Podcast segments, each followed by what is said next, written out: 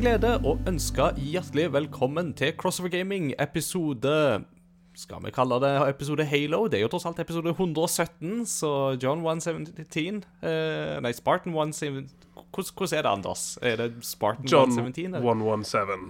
John 117, sånn er det, ja. Og med det så har jeg avslørt dagens gjest, Anders Lønning. Hey! Hey, Vi er klar til å finish the fight, som i Halo 3. Yes. Det er bra. Det har vært iallfall fem Halo-spill etterpå hvor de ennå ikke har finisha the fight. Så det lover bra for uh, mine gjesteopptredener her, tenker jeg. But you only have one bullet. That's enough. Ja, that's enough. Men uh, du har mer enn én bullet med i bagasjen i dag, og det setter vi veldig pris på. Vi skulle egentlig hatt med Peter Gjøskjell, og vi skulle ha snakka om uh, uh, Vi skulle ha snakka litt om trophies og achievements og litt sånne ting. Eh, men Peter eh, har ikke vært helt i form denne veka, og han ville veldig gjerne være med på den praten, og vi vil òg gjerne ha han med på den praten. Så det, dette blir da en teaser til noe som kommer til neste år, eh, på nyåret. Men du skulle jo være med uansett, Anders, og du har jo bakhåndstemaet klart, så det blir veldig gøy når vi kommer så langt. Men formen er sånn god, grei nok ellers. Du skrev noe om at det kunne bli litt hosting i episoden. Ja, nett som resten av landet og verden, føler jeg, så uh, har jo denne husholdningen her gått og hosta i godt over en måned, og nå var det min, da min tur. Så, uh, så jeg får nok sånne hostekuler av og til, men sånn generelt sett så jeg uh, føler meg veldig bra. Og så kommer jeg ifra at jeg var på Keisers konsert i Bergen i går kveld, så, Å, sweet. så, så jeg er rimelig høyt oppe. Så, Ja, det, Man kan leve lenge på den high-en der, da, altså. oh yes. Det, mm, min high er på, hei- på et helt annet nivå, for at de siste par ukene så hadde jeg da Altså, du kjenner til sagaen om de bannlyste. Ja, ja, selvfølgelig. Ja, ja, Gode, Jeg har klassiske- du har ingenting. Hey. Og i sagaen om de bannlyste så har du jo sagaen om flugen som ikke kom hjem. Ja. Jeg har da levd en versjon av dette her, for jeg har da levd sagaen om tvettmaskinen som ikke kom hjem. Ai, ai, For på selveste Black Friday så kubba jo vår gamle vaskemaskin. Og det var jo for så vidt ikke den dummeste timinga. Det var liksom eh, sånn Ja, ja, vi finner et eller annet i dag før dagen er omme. Men det å få den vaskemaskinen fram og i hus, det har jo vist seg å være et uh, mirakels uten sidestykke, altså. For det var Vi satte av en hel lørdag med, sånn som de hadde sagt, og de uh, gikk fra ni til fem, og vi hørte ikke et kvidder ifra de, og hele lørdagen gikk uten at vi fikk noe beskjed. Og så var det jo bare å ta kontakt på mandag, da, og bare Ja, hvor er den, da? Nei, nei, den ble vel aldri sendt. Skal vi sette opp en ny tid? Og det var sånn, ja Får dere en beklagelse, i det minste? Satt jeg og tenkte da, så det var Nei. Men i dag så kom det endelig på plass. Vi er så- såre fornøyd, så, og det passet egentlig bra, for nå er jeg på mitt siste sett med undertøy. Så, Ja, jeg, er- jeg, jeg er ikke stilt i en fullt så prekær situasjon uh, med Black Friday, men jeg bestilte meg en sånn uh, spisebordssofa som jeg skulle ha. Tenkte jeg skulle ha den til jul, da. Eh, Så den er jo ikke sendt, og eh, jeg har Det er litt sånn Møbelringen sine nettsider nå henger jeg de ut litt her, men de er litt sånn vanskelig å forstå om bestillingen kommer eh, ifra lageret, eller om det kommer fra butikken. Og der oppgir han da to forskjellige datoer i forhold til hvor den ene er sånn i februar en gang. Så jeg tror vi kan se langt etter den. Men det er jo ikke noe problem for meg, for jeg skal ikke være hjemme på jula likevel. Jeg skal ut i Nordsjøen og holde AS Norge i gang. Så Yes, det er finishing the fight. Eller keeping the fight going. Ja, si. det- Det blir, jo, det blir jo dårlig radio, dette her, men jeg holder jo nå opp for Anders, Uh. så han kanskje kan se en uh, GameCube-lilla farga Xbox-kontroll. Det er ikke så lett med det kameraet som vi har. Men uh, Xbox har jo kommet med en sånn kontroller som har en sånn fin lilla farge. Ja, ja. Og han holder opp en fin uh, oransje farge. Jeg trodde så- du hadde vært på Xbox-laben og designa den sjøl, jeg. Men jeg har jo Ja.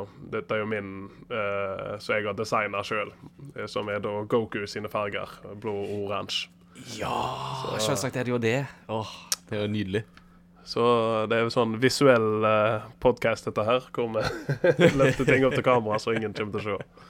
Ikke sant? Det er god radio. Så um, la oss heller gi lytterne litt eh, bedre radio og gå i gang.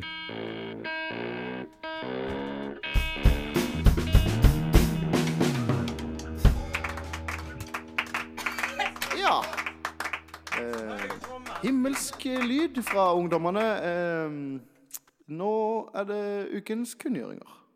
Det er veldig åpenbart at eh, verden holder pusten akkurat nå før er Game Awards, og vi er jo så smarte at vi tar opp dette her kvelden før Game Awards, så sånn kan det gå. Ingen Game Awards-nyheter fra oss. Hvem vant? Hva ble annonsert? Eh, Var det noen som storma scenen? Eh, Hadde Keeley lethal um, weapon Nei, lethal methods, eller, eller non-lethal methods for å stoppe folk som stormer scenen? You tell us in the comments. Eh, men eh, vi tar litt sånn små nyheter likevel. Eh, vi har jo snakka tidligere om at Free Radical Design, studioet som jo er kanskje mest kjent for Timesplitters-serien, har vært deres skjebne har hengt i en tynn tråd. Nå er det mer eller mindre bekrefta at de blir lagt ned i desember, ifølge en intern e-post fra Embracer Group-leder Lars Vingefoss. Så dette Vi som har håpa på mer Timesplitters, vi må nok se langt etter det, Anders. Ja. Jeg er jo en som absolutt har sett etter mer uh, Timesplitters. Eh, og jeg håpte jo liksom Når Timesplitters har jo vært en sånn eh, hot potato-sak som har liksom blitt passert ifra THQ til, tilbake til teamet som var Free Radical og sånn. Noen drev med sånn Skunkworks-prosjekt og prøvde å få det opp og gå og prøvde å skulle presentere det til forskjellige utgivere og sånt. Og så var det liksom Når Embracer da gikk ut og sa liksom at eh, ja, Free Radical gjenoppstår, og vi skal lage nytt Timesplitter, så øyna jeg jo et håp. Men eh, som veldig mange andre i håp og som har kommet ifra Embracer Group, så har de jo falt i grus i lag med den saudi-arabiske avtalen som gikk i vasken. Så Kanskje, kanskje greit å ikke liksom basere sin uh, vekst og uh, sin eh, hva skal du si, businessplanen sin på eh, eneveldige oligarker i tvilsomme regimer. Det kan jo være et kan, ja. De heter jo hva det er, de heter Savvy Games Group, denne, eh, de som de hadde avtale med. Og det er jo kanskje mest liksom det, det, det er et veldig passende navn for et uh, selskap som prøver å selge seg inn under litt sånn falske pretenser om hvem de egentlig er. Og det, nei, det hele det som foregår med Embracer Group, er tragisk. Og Ja. eh, det er veldig mange håp som kommer til å bli knust. Går an å Mm, det framheve. det. Det er det. Hvis det nå likevel mot alle odds skulle bli sånn at det kom et nytt Timesplitters en gang, så hadde jo dette i seg sjøl vært et godt premiss for en Timesplitters eh, for, for historie om hvordan du som agent må reise fram og tilbake i tid for å forhindre at det neste Timesplitter-spillet blir laga. Ja. Det hadde vært en metakommentar som hadde vært Remedy-verdig, tenker jeg. Et uh, spill som uh, vil komme ut, enten de vil det eller ikke, for Ubisoft har ikke noe valg. Eh, sånn er det når man oppretter nytt studio i Singapore for å lage Skull and Bones.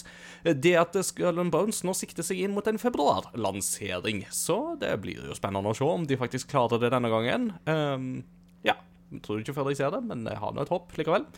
Eh, Og noe som eh, faktisk skal komme ut, eller har kommet ut, litt usikker på hvordan status er akkurat nå. Nei, det, det skal komme ut. Eh, Det er den nye remasteren av Beyond Good and Evil, som er bekrefta for neste år. Og den bekreftelsen den ble klar etter at noen i Ubisoft var litt for ivrige og trykka på publiseringsknappen for spillet på Ubisoft Pluss. Så someone did a whoopsie. Ja, jeg er litt sånn usikker på hva som egentlig skjedde der, for jeg har ikke satt meg inn i det. Jeg har bare hørt denne der eh, at eh, Ubisoft var litt for ivrige, som du nevner. De, de la ikke ut hele spillet, altså at det gikk an å kjøpe det der stedet ned. Det var liksom bare artworken, på en måte, eller den eh, landing-sida for å kjøpe spillet. Det er ikke at folk har fått tak, tak i det. Nå, nå ble jeg veldig usikker sjøl, faktisk, på her, her, Nei, det er nok sikkert landing-sida, eh, vil jeg tro. Jo, jeg, Vi får anta det. Det hadde vært litt voldsomt hvis hele spillet ble lansert plutselig. Så ja. Eh, noe som jo har kommet ut og blitt solgt og eh, hele pakka, det er Cyberpunk 2077 Phantom Liberty, denne utvidelsespakken til Cyberpunk. Eh, og det har da solgt 4,3 millioner eksemplar, som gir en attachment rate på én av fem. Så én av fem eiere av Cyberpunk 2077 har dermed skaffa seg den utvidelsen, og det må sies er ganske respektable tall. Um, nå vet jeg ikke om det er mange som i min situasjon så eier det på tvers av forskjellige plattformer. Um, så det, attach-raten kan jo faktisk være høyere. Uh, ved sånn, altså, jeg har det på Xbox og PC, men jeg har ikke utvidelsen på Xbox. Uh, men um, bare sånn short aside, jeg har faktisk tilbrakt en god del tid med Cyberpunk 2077 i det siste. Uh, det var ikke jeg som anmeldte utvidelsen. Og jeg føler endelig at spillet er der det burde være, og burde ha Mm. vært fra starten Mm. Men uh, jeg er veldig fornøyd med det som er der nå, uh, sammenligna med jeg, jeg var jo en av de som snakket varmt om deg eh, etter lansering, men jeg er enda mer fornøyd med det nå. Ja. Det er godt å høre. Det, jeg, jeg er redd for at det skipet har på en måte seilt for, for min del. Jeg kjenner at det blir mer tiltak enn moro å skulle hoppe inn i Cyberpunk igjen eller begynne på nytt. Så hadde det vært sånn som dette da det kom ut, så kanskje. Men eh, det er jo godt å høre at det er på et godt sted nå, iallfall. Ja, det kom jo en ny, ut, uh, ny patch nå i, i, til uka som skal eh, introdusere enda flere ting som på en måte de hadde ønska og fått klart til lansering av Phantom Liberty, og, og ting som folk ønsker seg. Så, så jeg vil jo si at CD Projekt Red er fortsatt investert i å holde det gående, liksom, selv om de nå har sluppet den eneste utvidelsen de har planlagt for spillet. Så Det, de, de må jo slippe ut nytt materiale, sånn at de faktisk gjør seg kvalifisert til Best Ongoing Game-prisen på The Game Awards. Som Ja. er en veldig merkelig ting å bli nominert for for en utvidelse. Men eh, det er ikke det eneste som er merkelig på Game Awards i år, for å si det sånn. Nei. Eh, noe som eh, tydeligvis ikke er merkelig, det er Baldur's Gate 3. Tvert imot så har det solgt eh, ekstremt godt, og har jo blitt en eh, populær eh, tittel i år. Larian har delt litt artige fakta om Baldur's Gate 3 nå i det siste, og blant annet så har vi da fått vite at det er 15% av den totale spillertida som alle spillere har lagt ned i det spillet, er brukt i den, spil, den delen der du lager din egen rollefigur. Så det at det spillet har en omfattende character creator, det er ikke tull.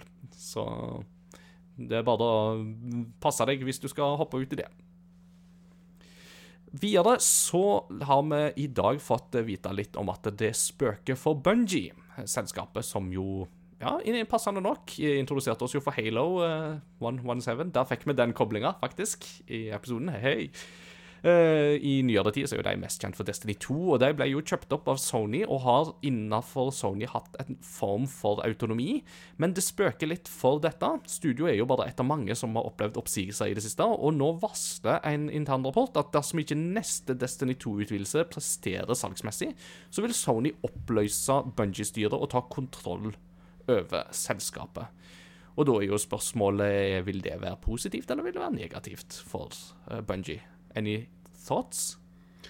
Eh, Dette her prosjektet med liksom at Bungie skulle kjøpes opp av Sony, men ikke innlemmes i PlayStation, er sånn Jeg ser på en måte hvorfor de vil gjøre det, med tanke på å holde spesielt Destiny da, multiplattform. Og, og, og drømmen var vel egentlig å gjøre Destiny om til en plattform mer enn en eh, oppfølger. Det sier jo den oppfølgeren ble jo pusha på Bungie av Activision i sin tid, når de var involvert. Så jeg jeg, jeg tror en av de har sadla seg sjøl litt sånn med å hive seg i lag med en konsollholder, da. Sony er jo interessert i å ha noe som presterer, og det er jo eh, det, er ikke, det har ikke noe med at det Sony er Sony, det har med at eh, store bedrifter forventer resultater. Store selskap forventer resultat. Og eh, jeg, jeg tror Bungie hadde vært bedre stilt alene, men det var jo en grunn til at de gikk med på oppkjøpet. De, og jeg forsto det sånn at det var veldig, de var i en veldig pressa situasjon når uh, det oppkjøpet kom. Så det er liksom Det kan hende at tida begynner å renne ut for Bungie, liksom, hvis ikke de eh, på en måte kan rettferdiggjøre sin eksistens. Eh, Folk liker jo Destiny 2, men det er jo spillertallet er jo ikke det de en gang var. Nei.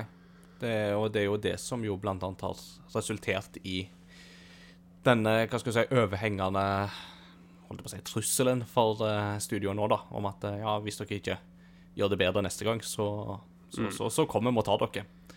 Så da sier de nå nei, ikke kom og ta meg, vi er bare vent til neste utvidelsespakke, den er mye større og sterkere.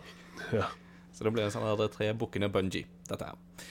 Eh, vi går videre til noen, eh, et par trailere som er kommet ut. Um, først så har BioWare sluppet en liten teaser-video om Dragon Age Dreadwolf med lovnader om mer info om spillet til sommeren. så det er ikke så veldig Apropos mye å måtte levere. ja, apropos å måtte levere, det er jo eh, Jeg har jo erklært at uh, BioWare har jo mista min tillit, og jeg eh, hopper ikke på dette spillet her før anmeldelsene begynner å tikke inn. Så det blir nok ikke at jeg skal anmelde det før lansering, eh, for å si det sånn. Det, det, der er jeg litt for skeptisk, altså, kjenner jeg. Men vi får nå se. Uh, videre, så noe som jo ser litt bedre ut, det er jo faktisk traileren for Fallout-serien, som kommer på Prime, og som kom i april. Uh, jeg vet ikke, Har du noen tanker rundt, uh, rundt den? Jeg syns det så veldig spennende ut, på samme måte som flere av de andre uh, gjerne som Amazon har i gilden. ser bra ut. Altså, jeg er jo fan av Rings of Power og Wheel of Time-serien deres, og, Mm. og The Boys og sånne ting, så Men bare sånn for, for det å være fallout Jeg syns sånn bortsett fra den jumpsuiten og at du så eh, noen kjente eh, sånne roboter og sånne ting, så det, det føltes Det mangla litt som litt av den der Iallfall. Bare ta dette for det det er, da. Uh, dette er basert på en trailer som bare er noen minutter lang. Uh, men jeg syns den der retro eh, ifra spillene mangla litt. Grann. Det, sånn, det så ut som litt sånn hva som helst eh, eh, apokalypse. Det føltes ikke ut som om det nødvendigvis var fallout sin. Eh, Mm. Men eh, jeg, eh, jeg ser fram til å se resultatet. Fallout uh, liker jeg veldig godt. Og det jeg, jeg er jo sånn Jeg har en sykdom, og den sykdommen er at jeg må uh, plassere ting på en timeline. Hvor er dette på timeline, og hvordan eksisterer dette i forhold til resten av universet? Uh, og hvis jeg ikke klarer å feste de tingene, enten om de eksisterer i et uh, liksom en isolert del for seg sjøl, eller sånne ting, så, så er jeg veldig spent på å se om dette er meint å passe inn med Fallout 3, Fallout New Vegas, Fallout 4.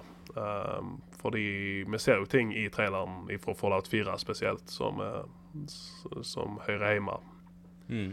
Det har nesten virka så Altså, de få antydningene jeg har lest, virker jo som at de prøver å veve dette her inn i en større helhet, faktisk. Så det blir jo spennende å se om det stemmer eller ikke. Ja. Eh, vet ikke om du husker TV-serien Defiance? Jo, det som jo òg var spill. Det var en MMO ved siden Mm. av å være Og det er jo sånn Det var jo mer en veldig direkte approach, da. Litt sånn som Agents of Shield skulle være en companion piece til Marvel-universet. Mm. Så skulle liksom ting i MMO-en reflekteres i TV-serien, og TV-serien motsatt. Men uh, det fungerte egentlig aldri helt. Nei. Litt, litt sånn som de fleste ganger når man prøver å blande real life og spill. Uh, les Quantum Break. men, mm. Eh, men den store, store snakkisen har jo selvsagt vært traileren til Grand Theft Auto 6, som jo først ble lekka av eh, hva var det? Kompisen til sønnen til en, art, en av Art Directors. Eh, Og da sa Rockstar nei, da får vi bare publisere det, da. Og så fikk vi halvannet minutt med et glimt av GTA 6. Det er tilbake til Vice City, og her eh, lukter vi TikTok-generasjonen som skal ut i praksis. Vi ser noe som ser ut som sånn eh, posta TikTok-videoer og lasta opp, og det blir jo veldig spennende å se om det blir en integrert del av eh, dette spillet eller ikke. Eh, jeg skal jo bare være ærlig og si at for meg This didn't do much, for å være helt ærlig. Jeg er jo den rare personen på den vestlige halvkule som liksom aldri har falt for GTA-formelen. Jeg syns liksom humoren er ikke helt min cup of tea.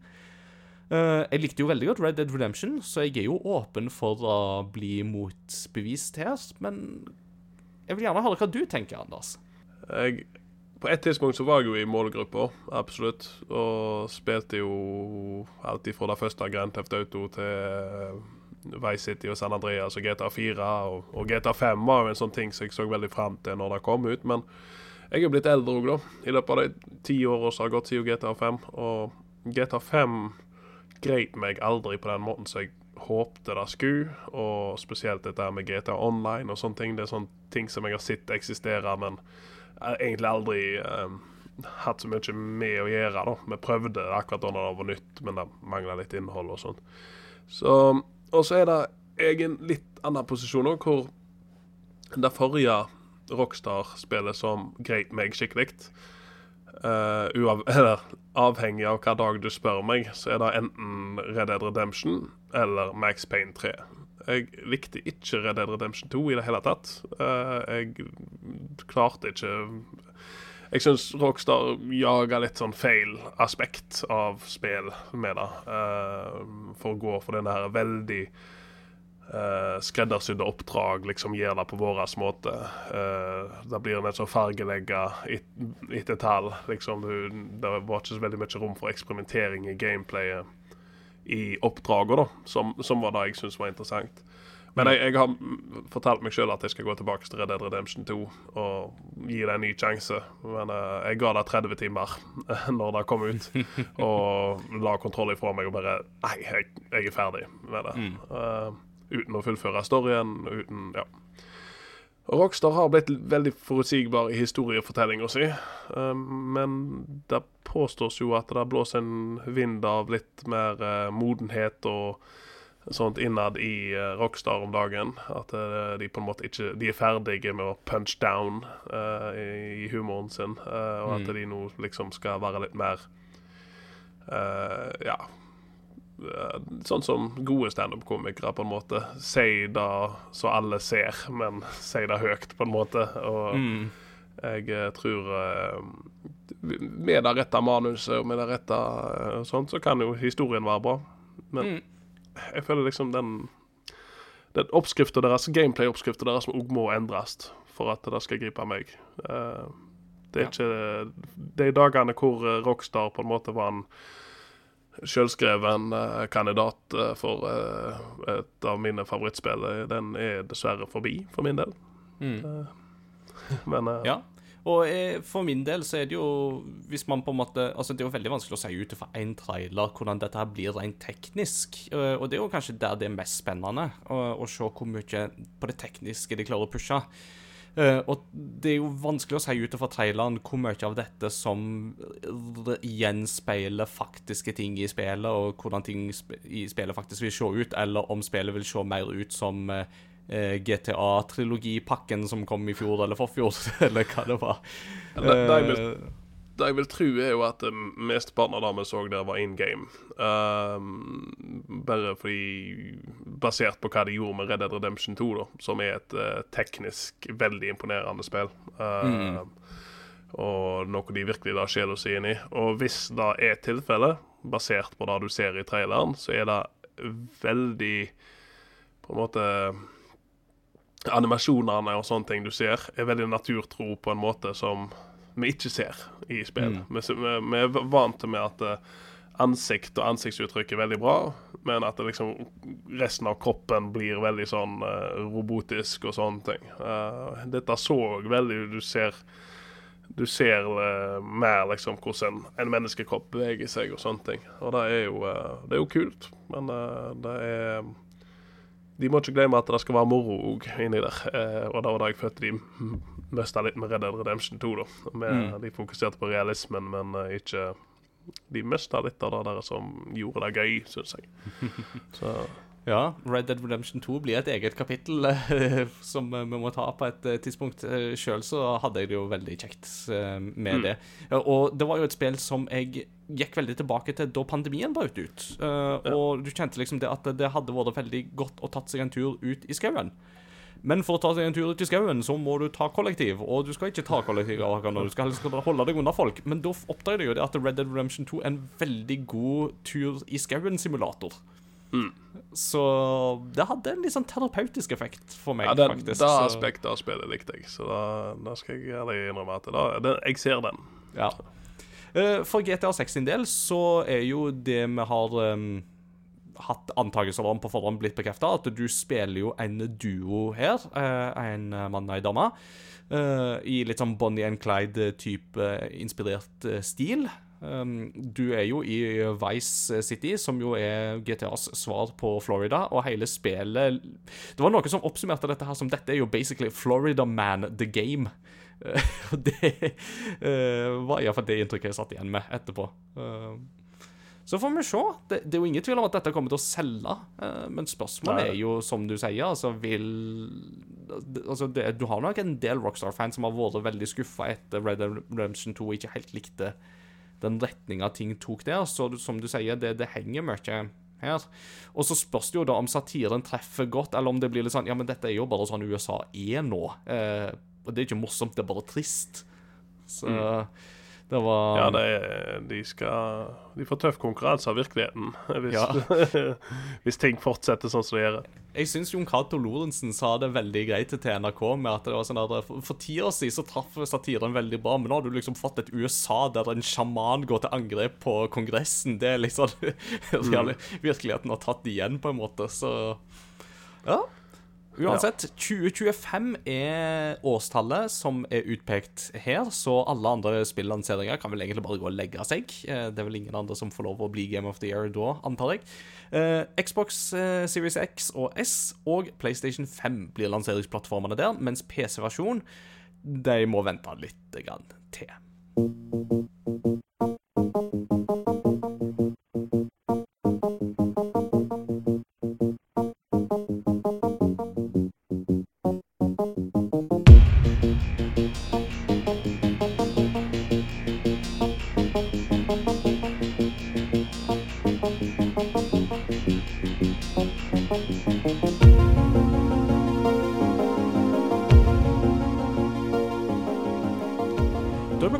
Temadelen, og dette blir jo da den delen som uh, we're gonna wing it, rett og slett. Det skjer jo av og til at vi gjør det i denne podkasten her.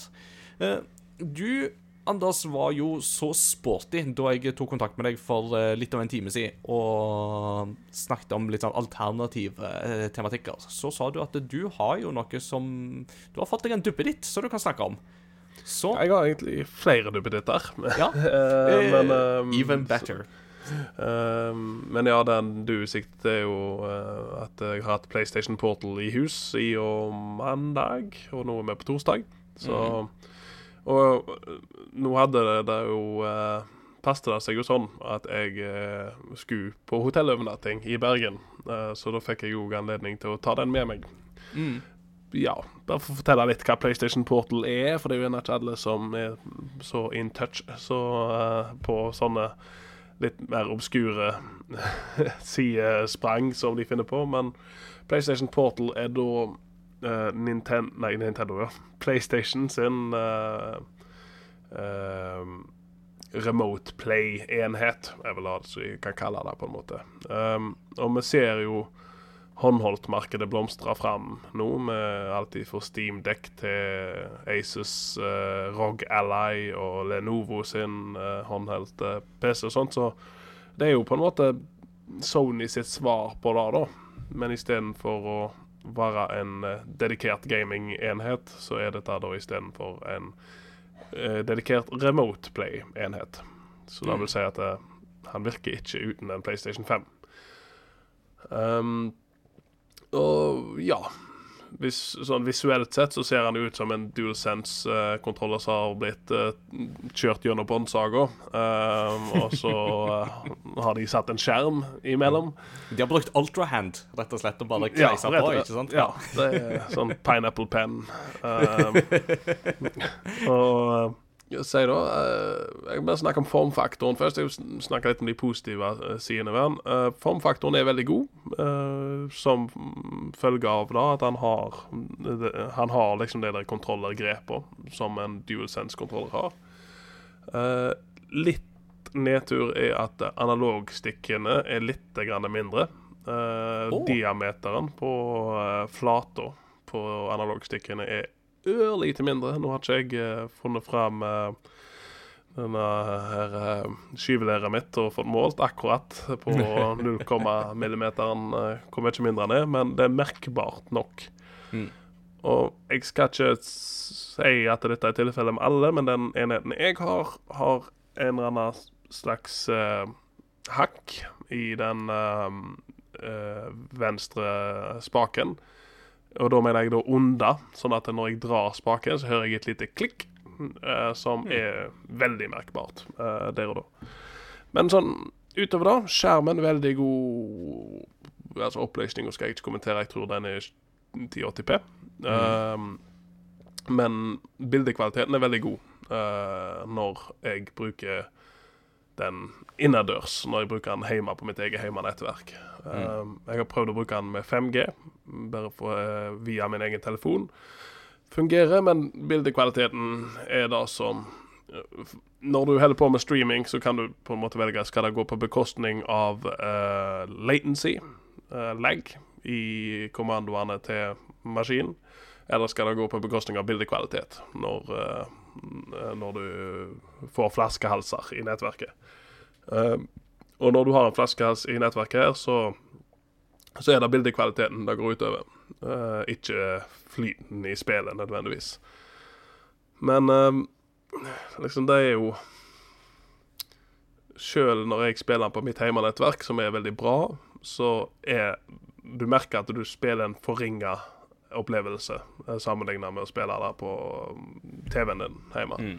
Mm. Du merker i små ting, små Liksom Det, det er hele tida. Jeg, jeg har prøvd å spille Spiderman 2 på den, eh, hvor kvaliteten på byen Det ser dårligere ut. Eh, jeg har prøvd å spille uh, Ratchet Clank, samme der. Liksom, altså, det skjer veldig mye på skjermen, og kvaliteten, den visuelle kvaliteten blir liksom Det er nett som å se en Netflix-video som bitraten går ned på, rett og slett. Eh, eh, sånt. Og det skjer ikke så mye lokalt hjemme, men jo lengre vekke du er fra PlayStation din, desto verre blir det.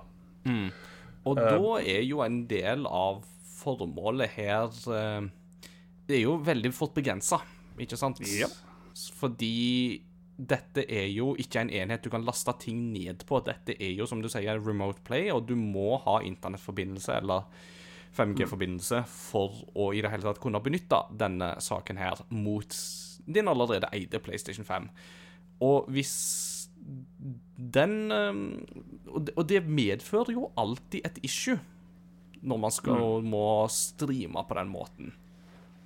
Iallfall mitt inntrykk. Ja, og det er um, Altså, én ting hadde vært hvis at du kunne bare plukket opp den når noen andre skal bruke TV-en, for da kan du. Men husker du Altså, meg og deg er jo store fan av uh, VU, hvor det var ikke en uh, forringt opplevelse å spille spillet på gamepaden. For latencyen var bra, og bildekvaliteten var knall. Og da, og da liksom, fordi PlayStation Remote Play fungerer sånn som det gjør, så må han gå via wifi-et ditt. Og jeg har som nevnt et veldig bra wifi. Eh, jeg har, bruker Google Nest, eh, eller sånn Google Wifi Mesh-nettverk, så jeg har et veldig bra nett. eh, og internettet inn til huset mitt og er veldig høy hastighet på, både opp og ned. Og alt Altså PlayStation 5-en min er, er vira til uh, nettet, så det er liksom ikke Jeg har ikke noen flaskehalser som er veldig tydelige, men allikevel så føler jeg at uh, det er en mye dårligere opplevelse enn da Nintendo pydde på for ti år siden. Eh, og da så, så da blir liksom Det, det er vanskelig å rettferdiggjøre den, uh, på en måte. Hvor det er ikke sikkert alle kommer til å merke at opplevelsen er så mye mindre av å spille. Jeg, jeg, jeg liker jo ikke å være negativ om ting. på en måte. Jeg prøver å se på dette fra den mest positive sida, men jeg føler at hvis uh, hvis du merker det med en gang du plukker opp kontrollen, og det er da jeg gjør Jeg merker med en gang at det, her kjører ikke spillet optimalt. Da er det ikke eh, Da er det ikke den opplevelsen som det burde blitt, opp, eh, burde blitt levert. Og når det er såpass avhengig av hva du har hjemme. Fordi jeg vet at det er mange som har Claes Olsson-rutere. Eh, og har eh, Altså Og for deg så vil jeg nesten se for meg at det er nesten ubrukelig. Ja, og, og det er jo ikke bare det, men det er jo sånn som Altså, du sier jo det, ikke sant? Altså, du har jo et godt utvikla nettverk hjemme hos deg, og du har godt utstyr, du har godt internett inn, og 5G-nettverket i Norge bygges jo ganske greit ut, og altså, Norges internettinfrastruktur er jo veldig god. Eh, Altså, du skal ikke langt ut i Europa før du merker at forholdene er helt annerledes. Og, og i USA så er jo det der et kapittel for seg sjøl. Så Og da er jo min tanke der er jo det at du skal ikke langt før bruksområdet for denne enheten blir vesentlig redusert. Nesten til og med på det punktet at det, det er nesten ubrukelig. Ja. Og jeg, eh, som sagt, jeg hadde den med meg til Bergen. Eh, prøvde å koble den opp på hotell-wifi, og som alle vet, hotell-wifi kan være veldig spesielle greier. Eh, PlayStation Portal nekta å koble seg til nettverket. Han sa rett ut at eh, dette internettet bruker en autentiseringsformel som jeg ikke kjenner til, og derfor får du ikke lov til å koble deg til på den. Jeg prøvde å, da å koble meg opp via 5G på telefonen min når jeg da var i Bergen, så da er avstanden enda lengre. Da, da Jeg fikk ikke starta spillet engang. Jeg fikk ikke starta Spiderman. Uh, fordi det gikk i fire-fem bilder i sekundet, liksom, og bildekvaliteten var helt Altså, da, du kunne ikke kjenne deg igjen som Spiderman engang, nesten. Uh, så uh, jeg hadde jo sett for meg at dette var en uh, en konsoll jeg kunne ta med meg ut i Nordsjøen, uh, istedenfor å ta med meg PlayStation 5-en. Mm. Bare tatt den med meg og så spilt. Men uh, da ser jeg at det, da, det er ikke tilfellet i det hele tatt. Nei. Det ville vært veldig gøy om du fikk anledning til å gjøre det bare for testingas skyld, liksom. Så Ja. du, må, du må gjerne Jeg- komme med en rapport hvis du skulle ende opp med å gjøre det. Så det er jo det hadde vært Ja, jeg, jeg skal jo ut i jula, så kan hende jeg tar den med meg. Men uh, da er egentlig sannsynligheten større at jeg tar med meg Steamdekk. Ja. Eh, Og det har du òg fått eh, kloa i. Ja, den har jeg hatt siden de først ble lansert i Norge, så da blir det jo i august, tror jeg. um, og jeg skal ærlig innrømme prisen er stiv. Uh, den koster vel 8000 kroner for den modellen som jeg har. Uh, og han har uh, vært Han har blitt liggende mye, kan jeg vel bare si, sånn i utgangspunktet. Fram til ganske nylig. Fordi jeg begynt, har begynt å eksperimentere litt med den. Uh, dette er jo en uh, håndholdt PC um, som kjører på Linux. Som Valve har skreddersydd uh, et uh, operativsystem til, som knytter det til Steam-kontoen din. Uh, og St Valve har jo eh, drevet også lagd profiler for spill, og, og gått gjennom spill og sjekka hva spill som eh, kjører på Steam, og lagt inn et system i, i eh, Steam-butikken eh, som forteller deg hvor bra spillet kjører på Steam-dekk. Mm. Um, og alt av det der det fungerer veldig bra. Steam eh, jeg, jeg kan gå inn på butikken Eller jeg kan gå inn i biblioteket mitt og jeg kan få en liste opp av alle spill som er liksom Steam Deck verified. Og da gjør det veldig my mye lettere å bruke den. Uh, men så er jo dette her du har mulig, Valve har liksom sagt at eh, dere må bedre ta dere ut med disse maskinene. Prøv å liksom lage den din egen og miks og tiks med den eh, så mye du vil. Det verste dere kan gjøre, er at dere korrupterer minnet på den og lagringa. Og da har vi imaget som må til for å gjenopprette den. Ja. Så jeg har tatt i på ordet, jeg. så, så jeg har uh, installert Windows på et SD-kort uh, med litt sånn varierende hell. Uh, fordi eh, sånn som Steam-dekken var, så støtta han jo ikke GamePass, f.eks. Uh, og det var jo en ting jeg hadde lyst til å prøve.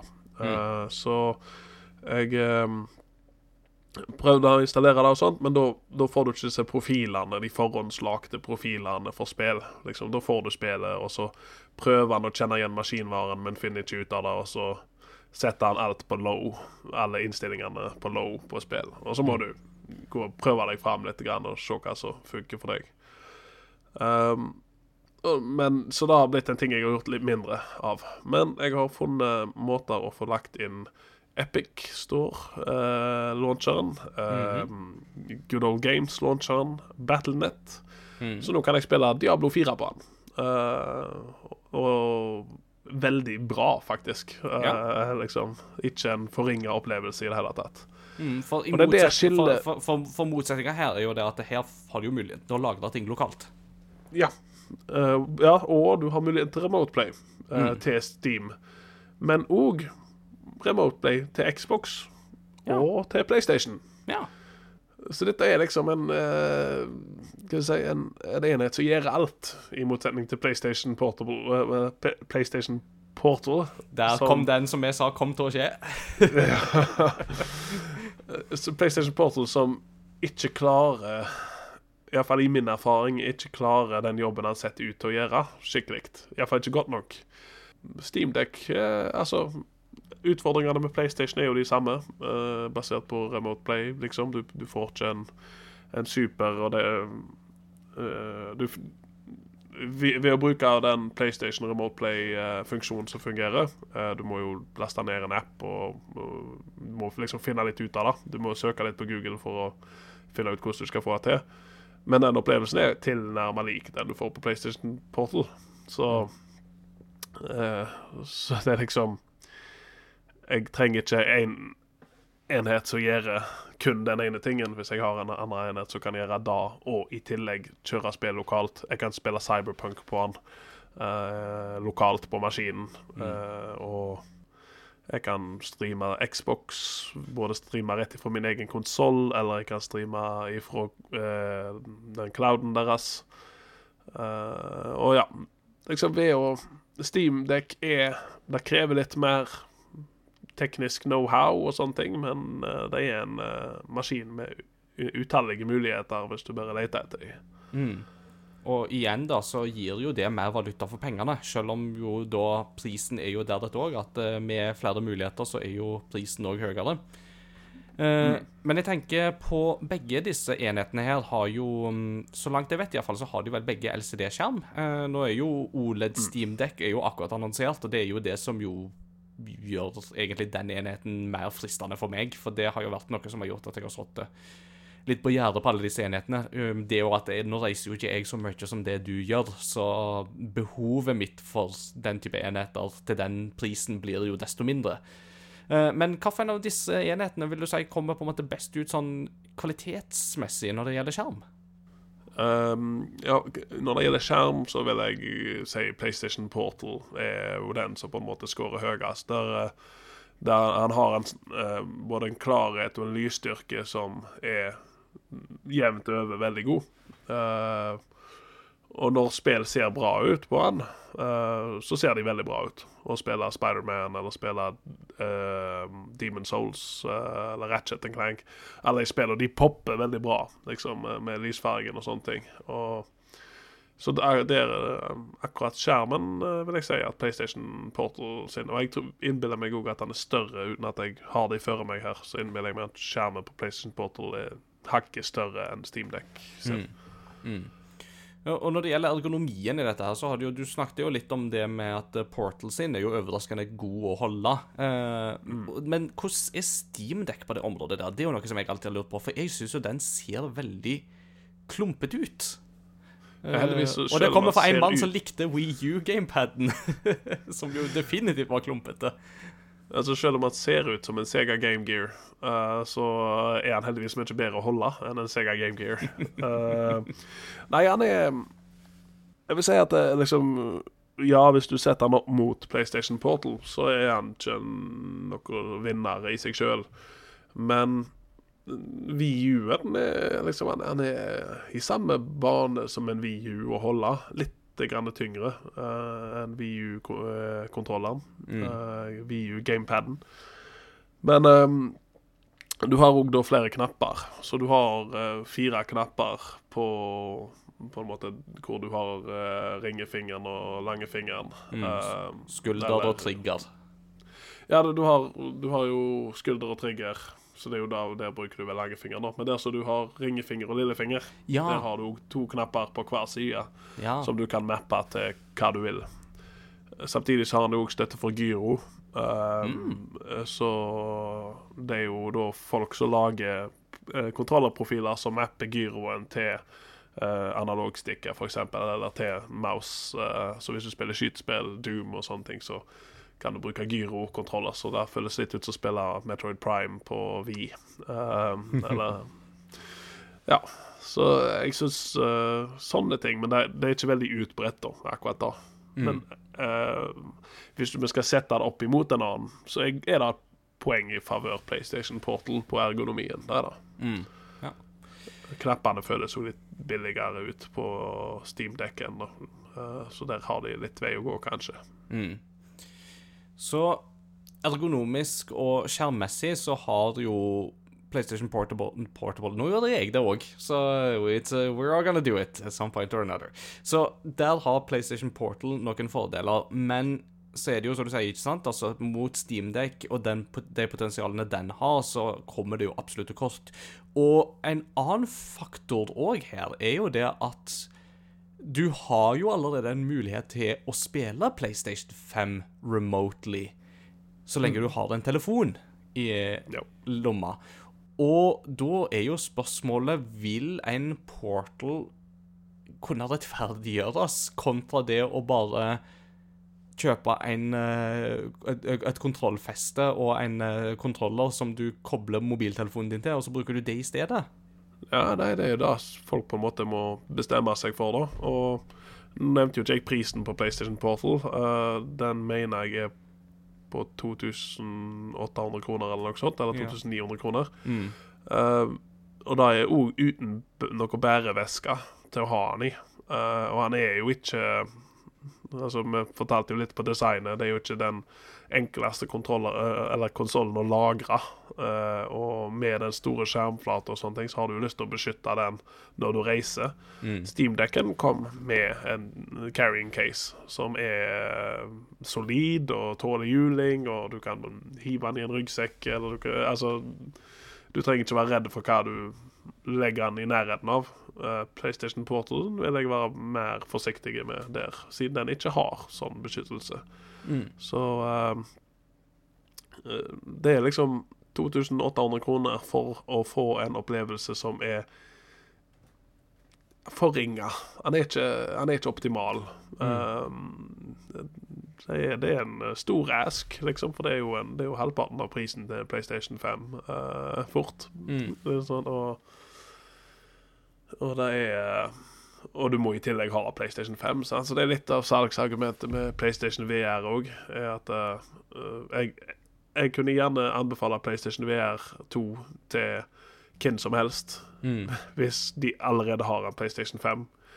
Hvis jeg må selge dem en PlayStation 5 samtidig, så vet jeg ikke om jeg kan rettferdiggjøre prisen. Liksom, fordi at det blir en enorm pris. Mm. Taket er Så- høyt. Ja, du er, med, du er godt tjent med å bare spille remote play på PC-en din eller på telefonen din. Eller, altså, du kan jo spille remote play mot en laptop òg når du er ute på tur. Mm. There you have it, rett og slett. Det høres jo temmelig conclusive ut, syns jo jeg. Og, og veldig kjekt å få noen eh, førstehåndserfaringer på dette her så tidlig i eh, den maskinens eh, eksistens. Eh, er det Det noe kan lanseres vel i morgen, faktisk. Mm, ja, se, se der, se der. I snakkende stund, altså. Det når episoden kommer ut, så er den vel akkurat så vidt lansert.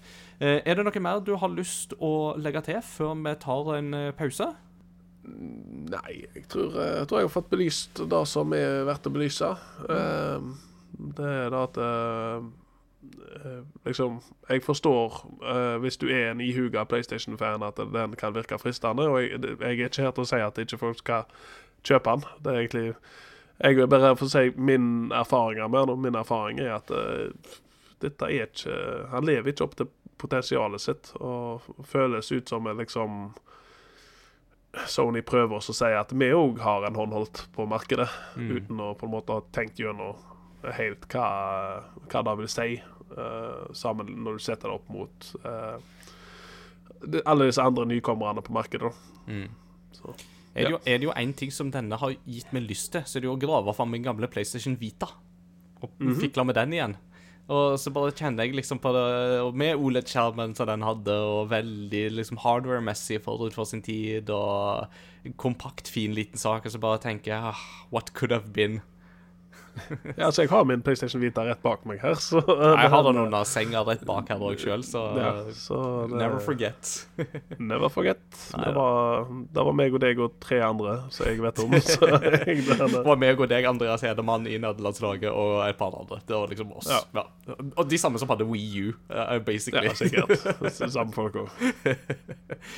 Eh, tusen takk for uh, inputet uh, om PlayStation Portal, og for så vidt òg Steamdeck. Vi har jo ikke hatt den uh, Steamdeck-praten ennå, så det er veldig gøy å få litt eh, gode sammenligninger der. Ikke skift eh, kanal, folkens. Vi kommer straks tilbake, og da skal vi faktisk høre litt fra hva lytterne har å si om sitt forhold til trofeer og achievements og lignende.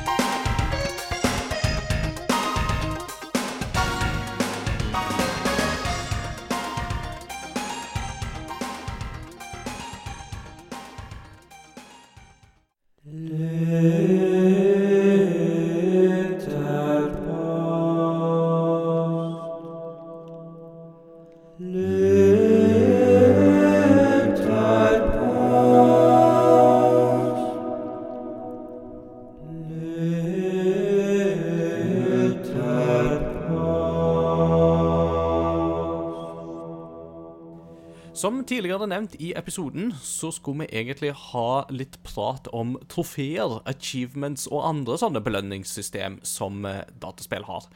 Nå blir jo det temaet forskjøvet en annen gang, men lytterposten gjenspeiler det temaet vi egentlig skulle hatt, og det, det skyver vi ikke på. Vi har stilt lytterne våre et spørsmål om, hva de syns om trofeer, achievements og lignende i spill. Om de syns det er morsomt eller plagsomt, bidrar det til å øke spillegleden, eller er det bare til bry? Så vi tar og leser disse svarene eh, denne gangen, her, og så får det bli en smakebit til når jeg og Peter og andre kommer tilbake til den tematikken i eh, temadelen. Eh, da tenker jeg at jeg vil begynne å grave litt her i uh, discorden vår, og da har Pletten han har uh, definitivt noe å si om dette her. Pletten han skriver Trophies er glede, og trophies er smerte. Det gir meg lyst til å utforske deler av et spill jeg ellers aldri hadde oppdaget, og gir en følelse av mestring når plinget og animasjonen oppe i venstre hjørne popper. Samtidig er det noe av det verste jeg vet. Jeg må platinere et spill. Jeg får ikke fred hvis det ikke står 100% på trofélisten. Noe som vanskeliggjøres med spill som The Last of Us, Days Gone og Horizon-serien, som har DLC-er som krever at jeg fullfører spillet på tøffeste vanskelighetsgrad. Og det skjer ikke. Derfor er trofeer en velsignelse og en forbannelse. Jeg har et hull i samtlige Fifa-spill utenom Fifa 18, og det smerter meg. Laughing emoji. Samtidig er jeg fornøyd med småpene 127 platinum party-emoji. Parentes, på Steam jakta jeg ikke trofeer. Da hadde jeg mistet jobben, og familien hadde meldt meg savnet. Parentes slutt. uh, pletten, jeg må si gratulerer. 127 platinum er jo temmelig imponerende, og samtidig en smule bekymringsverdig, skulle jeg nesten si. Men uh, uh, if it makes you happy, og så lenge familien ikke har meldt deg savna, så må vi jo si at det er jo veldig artig. Uh, jeg har et tips til Pletten hvis at han ikke nødvendigvis føler at han må gjøre seg fortjente til disse trophies på Steam, så er det veldig enkelt å få de uh, løst inn med en trainer istedenfor å faktisk spille spillet, fordi uh, de ligger ubeskytta. Uh, så det er bare noen tastetrykk, så har du plutselig alle achievements i spillet. There, there you have it. Kan, kan Men jeg ser for meg at det da gjerne ikke er det som gir han Det gir ikke glede. Det, er sånn, glede. Nei, nei, det blir kjøpt og betalt i så fall. Det slår meg har Pletten et behov for å platte ting fordi han heter Pletten? Det, navnet kommer ingen. Ja, hvem vet? Du får ta dette med de profesjonelle Pletten, ikke med oss. Hashtag parentes crossover gaming is not a psychologically approved podcast. Har du um, en lytter som du har lyst til å lese opp, um, Anders? Ja, Eirik han uh, har jo en sånn fin sjargong så han, uh, når han kommer med disse lytterpåstandene, Så jeg uh, beit meg jo merke i denne her. Og Eirik kan si at trophies er ei dopamingruppe jeg går forbi. Skuler stygt på, men egentlig skulle jeg ønske jeg kunne fråtse i. Jeg er notorisk dårlig på å holde meg til én ting lenge av gangen.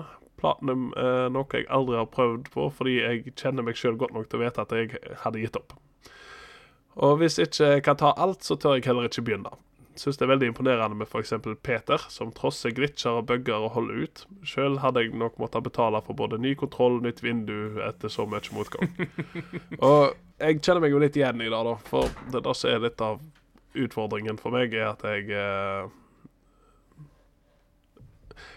Litt av utfordringen for meg er at jeg eh, har eh, veldig fort for oss å slippe ting, hvis ikke det liksom Hvis jeg begynner på noe, og sånt, er det at ja, men det spillet der borte ser egentlig litt kjekkere ut. Og jeg er jo teknisk sett ferdig med dette her, så, mm. så jeg kjenner meg litt igjen i den der at jeg vet at jeg ikke fullfører det, og derfor gidder jeg ikke. For meg så er det mer dette her vindu- og kontrolldelen som jeg kjenner meg mest igjen i. Jeg hadde Jeg, jeg måtte ligge under sånne ting, altså. Det, det må jeg. Jeg tenker jeg skal slenge inn et par uh, lyttere til. Vi har fått mange innlegg, og vi leser jo alle, så vi anbefaler lytterne våre å joine vår Discord-server via crossovergaming.no uh, og lese litt på hva som er blitt skrevet. Her er det mye bra. Uh, Zelia Lith, vår retrospelllaugedronning, har skrevet har hatt noen spill der achievements har gitt meg en retning i spillet.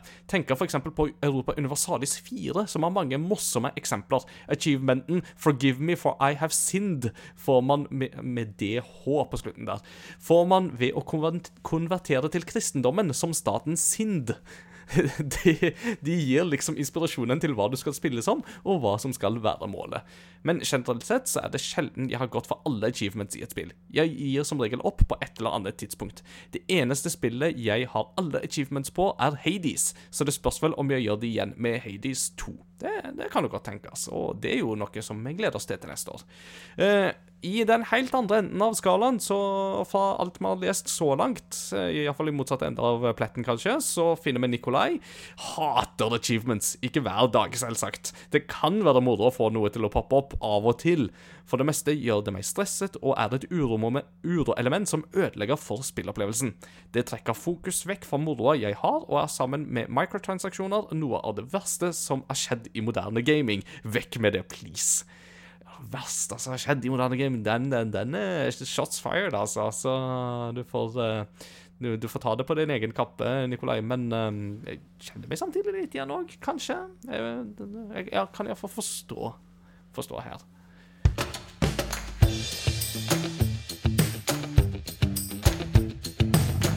What you been playing lately? What you been playing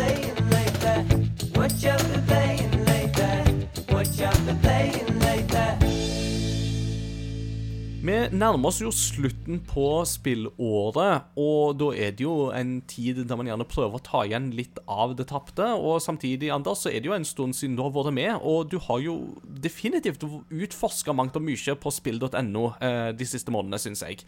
Så jeg tenker du får liksom frislipp til å begynne der du vil. Ja, hvis jeg skal oppsummere alt eh, Jeg tror sist gang jeg var hos dere, var i mai-april, eller noe sånt. Rundt, eh, rundt den tida, og du holdt på med Zelda. Mm. så jeg har spilt veldig mye siden den tida. Ja, Jeg hadde en liten sånn opptelling eh, før vi gjorde våres Årets spill-podkast, hvor jeg tror jeg var oppe i 36 eller 37 spill som Om ikke jeg har fullført alle, så har jeg iallfall spilt de tilnærma til å fullføre de, iallfall nok til å kunne avsi en dom på dem. Mm. Um, men egentlig de spillene som jeg har tenkt å snakke om i dag, uh, er tre spill som jeg har spilt i løpet av de to siste ukene. Uh, og um, et som er litt lengre bak i tid, men um, som grep meg veldig, da. Mm. Så tenkte jeg da å ta det som eldst først, så er det Robocop uh, Rogue City. ja. Som er definitivt en av årets største overraskelser for meg. Eh, litt kontekst, så jeg uh, vokste opp på de første to Robocop-filmene. Jeg så de altfor tidlig, uh, men Mareritt om uh, Mareritt om eh, godeste Murphy som blir skutt i fillebiter. Ja, eller han ene som skyter han, som får sin hevn og blir smelta og litt sånne ting. Så Men det er et eller annet med Robocop uh, som appellerte til meg når jeg var guttunge, og jo eldre jeg har blitt, så begynner jeg å se liksom de andre sidene av Robocop. Liksom eh, den satiren, samfunnssatiren og eh, litt den eh, liksom skråblikket på USA som, som ser, eller filmen er. Og så er jeg veldig glad i karakteren Alex Murphy i Robocop. Mm. Så jeg vokste jo opp med å se ikke bare filmene, men det var jo òg en TV-serie uh, som gikk på Jeg tror det gikk på søndagen. Jeg assosierer det med at jeg så det samtidig som jeg så Star Trek Next Generation. Eh, så det er, det er noen sånne gamle minner som ligger i meg. Men iallfall når vi fikk muligheten til å anmelde Robocop Rogue City, og jeg fikk det jo før lansering uh, når det kom ut, så det var liksom sånn Du setter deg ned, og så tenker du at ja, dette er, det er et skytespill, og litt lavere budsjett enn vi ser i liksom store Trippel A-titler, men men det ser fint ut og sånne ting. Um, men desto mer jeg spilte, da, så skjønte jeg at det, det var noe ganske Noe ganske annet. Eller eh, at det er et spill som uh, virkelig forstår hva det vil si å spille som Robocop. Mm. For det hadde vært den letteste tingen i verden å lage et skytespill uh, som er generisk som fy, og så plaster Robocop-navnet på det. Men i stedet så har de liksom lagd et spill rundt opplevelsen av å være Robocop. Mm. Uh, og et spill som ikke er redd for å rette søkelyset på Robocop og hva det vil si eh, å være han i den perioden spillet er satt, da, som er imellom Robocop 2 og 3. Um, ja, det går opp igjen litt av tematikken i Robocop 1. Uh, med liksom Er Robocop er han Robocop, eller er han Alex Murphy? Liksom, Hvor mye er igjen av Alex Murphy og sånne ting. Og det er så, så, sånn tematisk så tar opp spillet, og hvor mye er Robocop et individ eh, kontra eierskap Altså eiendommen til OCP og Detroit-politiet. Mm. Eh, og spillet bruker da Unreal Engine 5. Ja, det er jo ganske Eh, imponerende. Ja, og det er faktisk da Unreal Engine 5-spillet som kjører best av de som er på markedet. På tvers av alle plattformer det kjører. Til og med Xbox Series S kjører det veldig bra på. Mm. Imponerende. Så det er liksom sånn Det har noen hint av immersive sim, som er en sjanger som står hjertet mitt veldig nært. Eh, I form av at det liksom Du har muligheten til å gå alternativ A eller B eller C, liksom, og sånne ting. Og så er det litt dette med å finne koder i eh, omgivelsene som kan åpne dører som ikke er selvsagt for deg at du trenger å åpne nødvendigvis, eller sånne ting. Det, denne her eh, er sånn pustende verden. Så det føles veldig ut som de utviklerne der eh, spilte de samme spillene som jeg spilte i oppveksten min, og da nærmere spesifikt Deus X. Eh, og um, selv om det aldri går så djupt som Deus X gjorde. Begge Så- deler satt i Detroit, iallfall hvis vi går til Human Revolution. De gjør jo et poeng ut av Ja. det i Human Revolution òg. Det er en samtale du kan eh, høre på mellom to politibetjenter der det snakker om eh, Robocop. Ja, og omstendighetene rundt uh, mm. politiet der er jo det samme som i Detroit i eh, Robocop, så Nei, eh, absolutt et spill som jeg anbefaler, og, hvis eh, hvis en vil høre mer om det, eller se mer om det, så kan jeg, jeg bare peke til anmeldelsen min. Mm. egentlig. Eh, I, I'd som- read that for a dollar. nice. Du koste deg Ja, da du skrev den anmeldelsen. Jeg vet det Jeg vet det veldig godt at du koste deg med å finne så mange sitater fra den filmen du bare kunne. Can you fly, Bobby? Thank you for your cooperation. Nei, det eh, Altså, men, én en ting som jeg òg tenker på, er jo eh, Altså, funny ting, det der med Robocop. Du nevnte jo det med at det gikk jo på sånn animasjonsserie, og det, det har alltid slått meg som så rart at Robocop, den første filmen, så ultravoldelig som den er, ble redusert til en sånn Saturday morning cartoon retta mot kids. Uh, for den første filmen er jo definitivt ikke i, uh, i, i den båsen, og så blir jo Robocop bare mer og mer i det. Altså Robocop 3 trenger vi jo ikke å snakke om engang. Uh, men men eh, vi har holdt på å si litt denne her eh, mer Robocop 1 ultravold-sjiktet med dette spillet, er vi ikke det? Å jo da, det er til og med en uh, weapons perk i spillet som uh, Fordi du får muligheten til å oppgradere den her auto-NIR-pistolen til Robocop.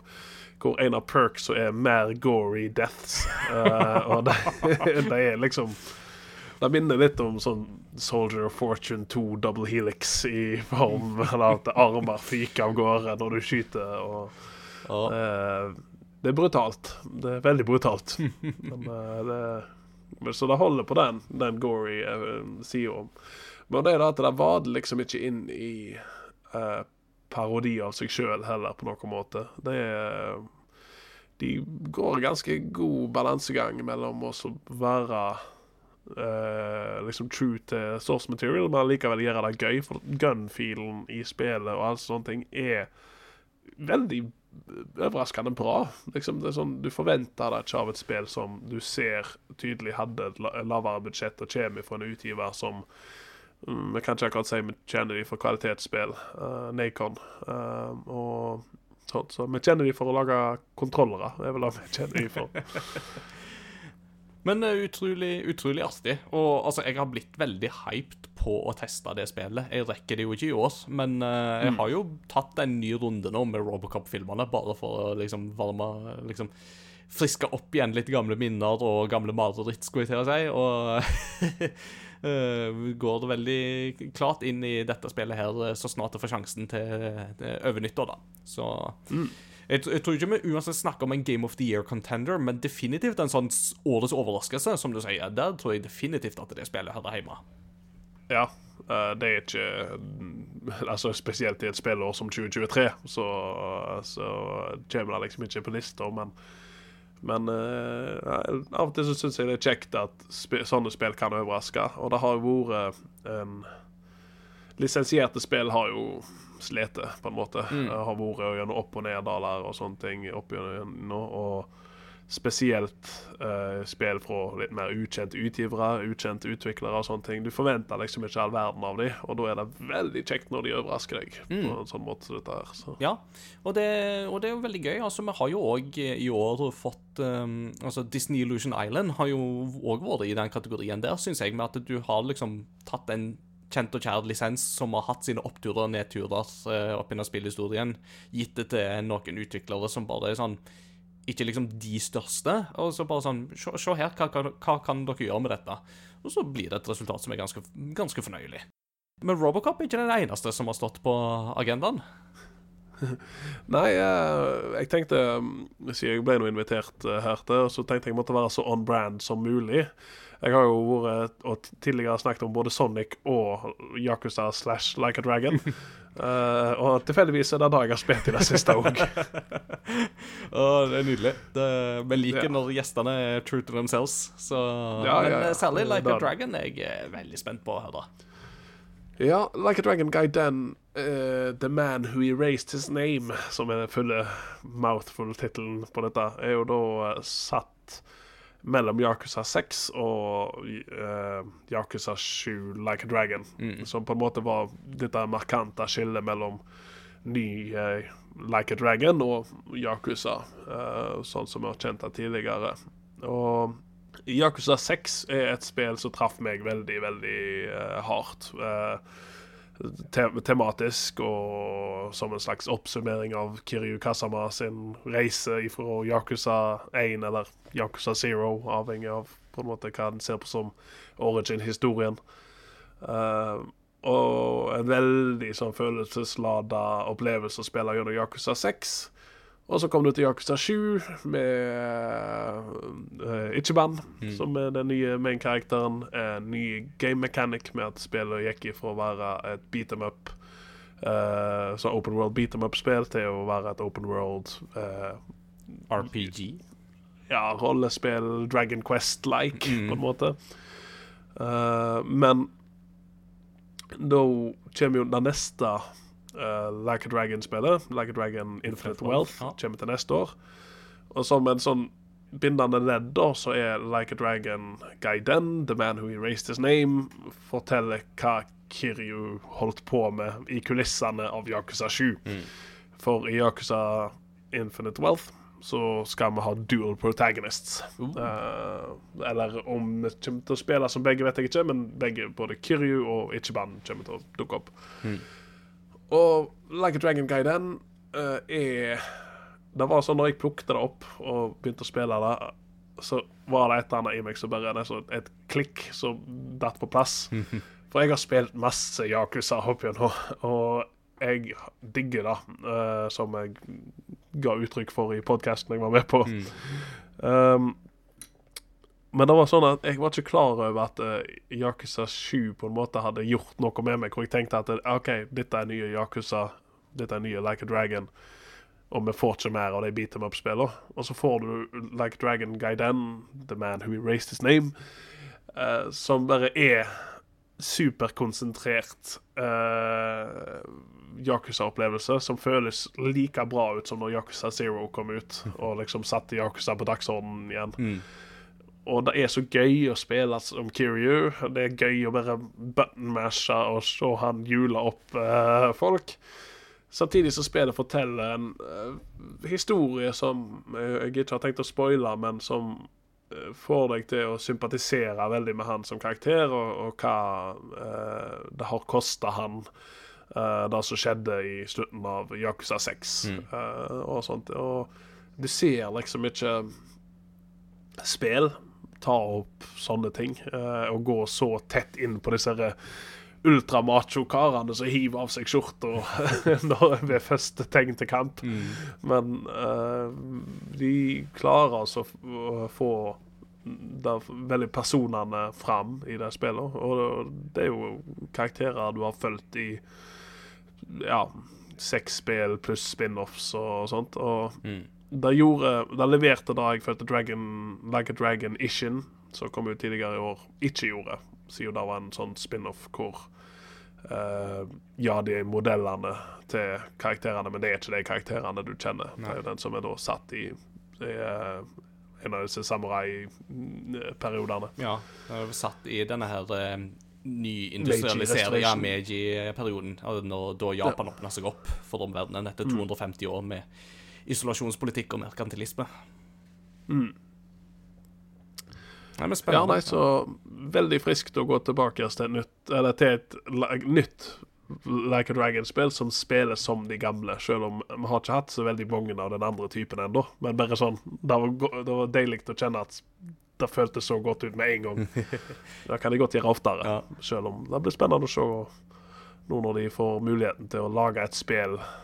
For uh, Sega har jo, eller Ryuga Gotoku Studios har jo gått ut og sagt at uh, ja, vi hadde tenkt at Yakuza 7 skulle være nett likt som alle andre Yakuza-spill, men vi tenkte det der rollespillgreiene var spennende, så vi bare lagde et system i siste liten, og det merkes. Uh, så Yakuza, eller Like a Dragon Infinite Wealth, har jo muligheten til å virkelig mm, gjøre noe kult nytt. Mm. Men da var det kjekt å se at eh, de kan minne oss på å fortelle at uh, vi har ikke glemt hvordan vi lager disse spillene, altså, bare så dere.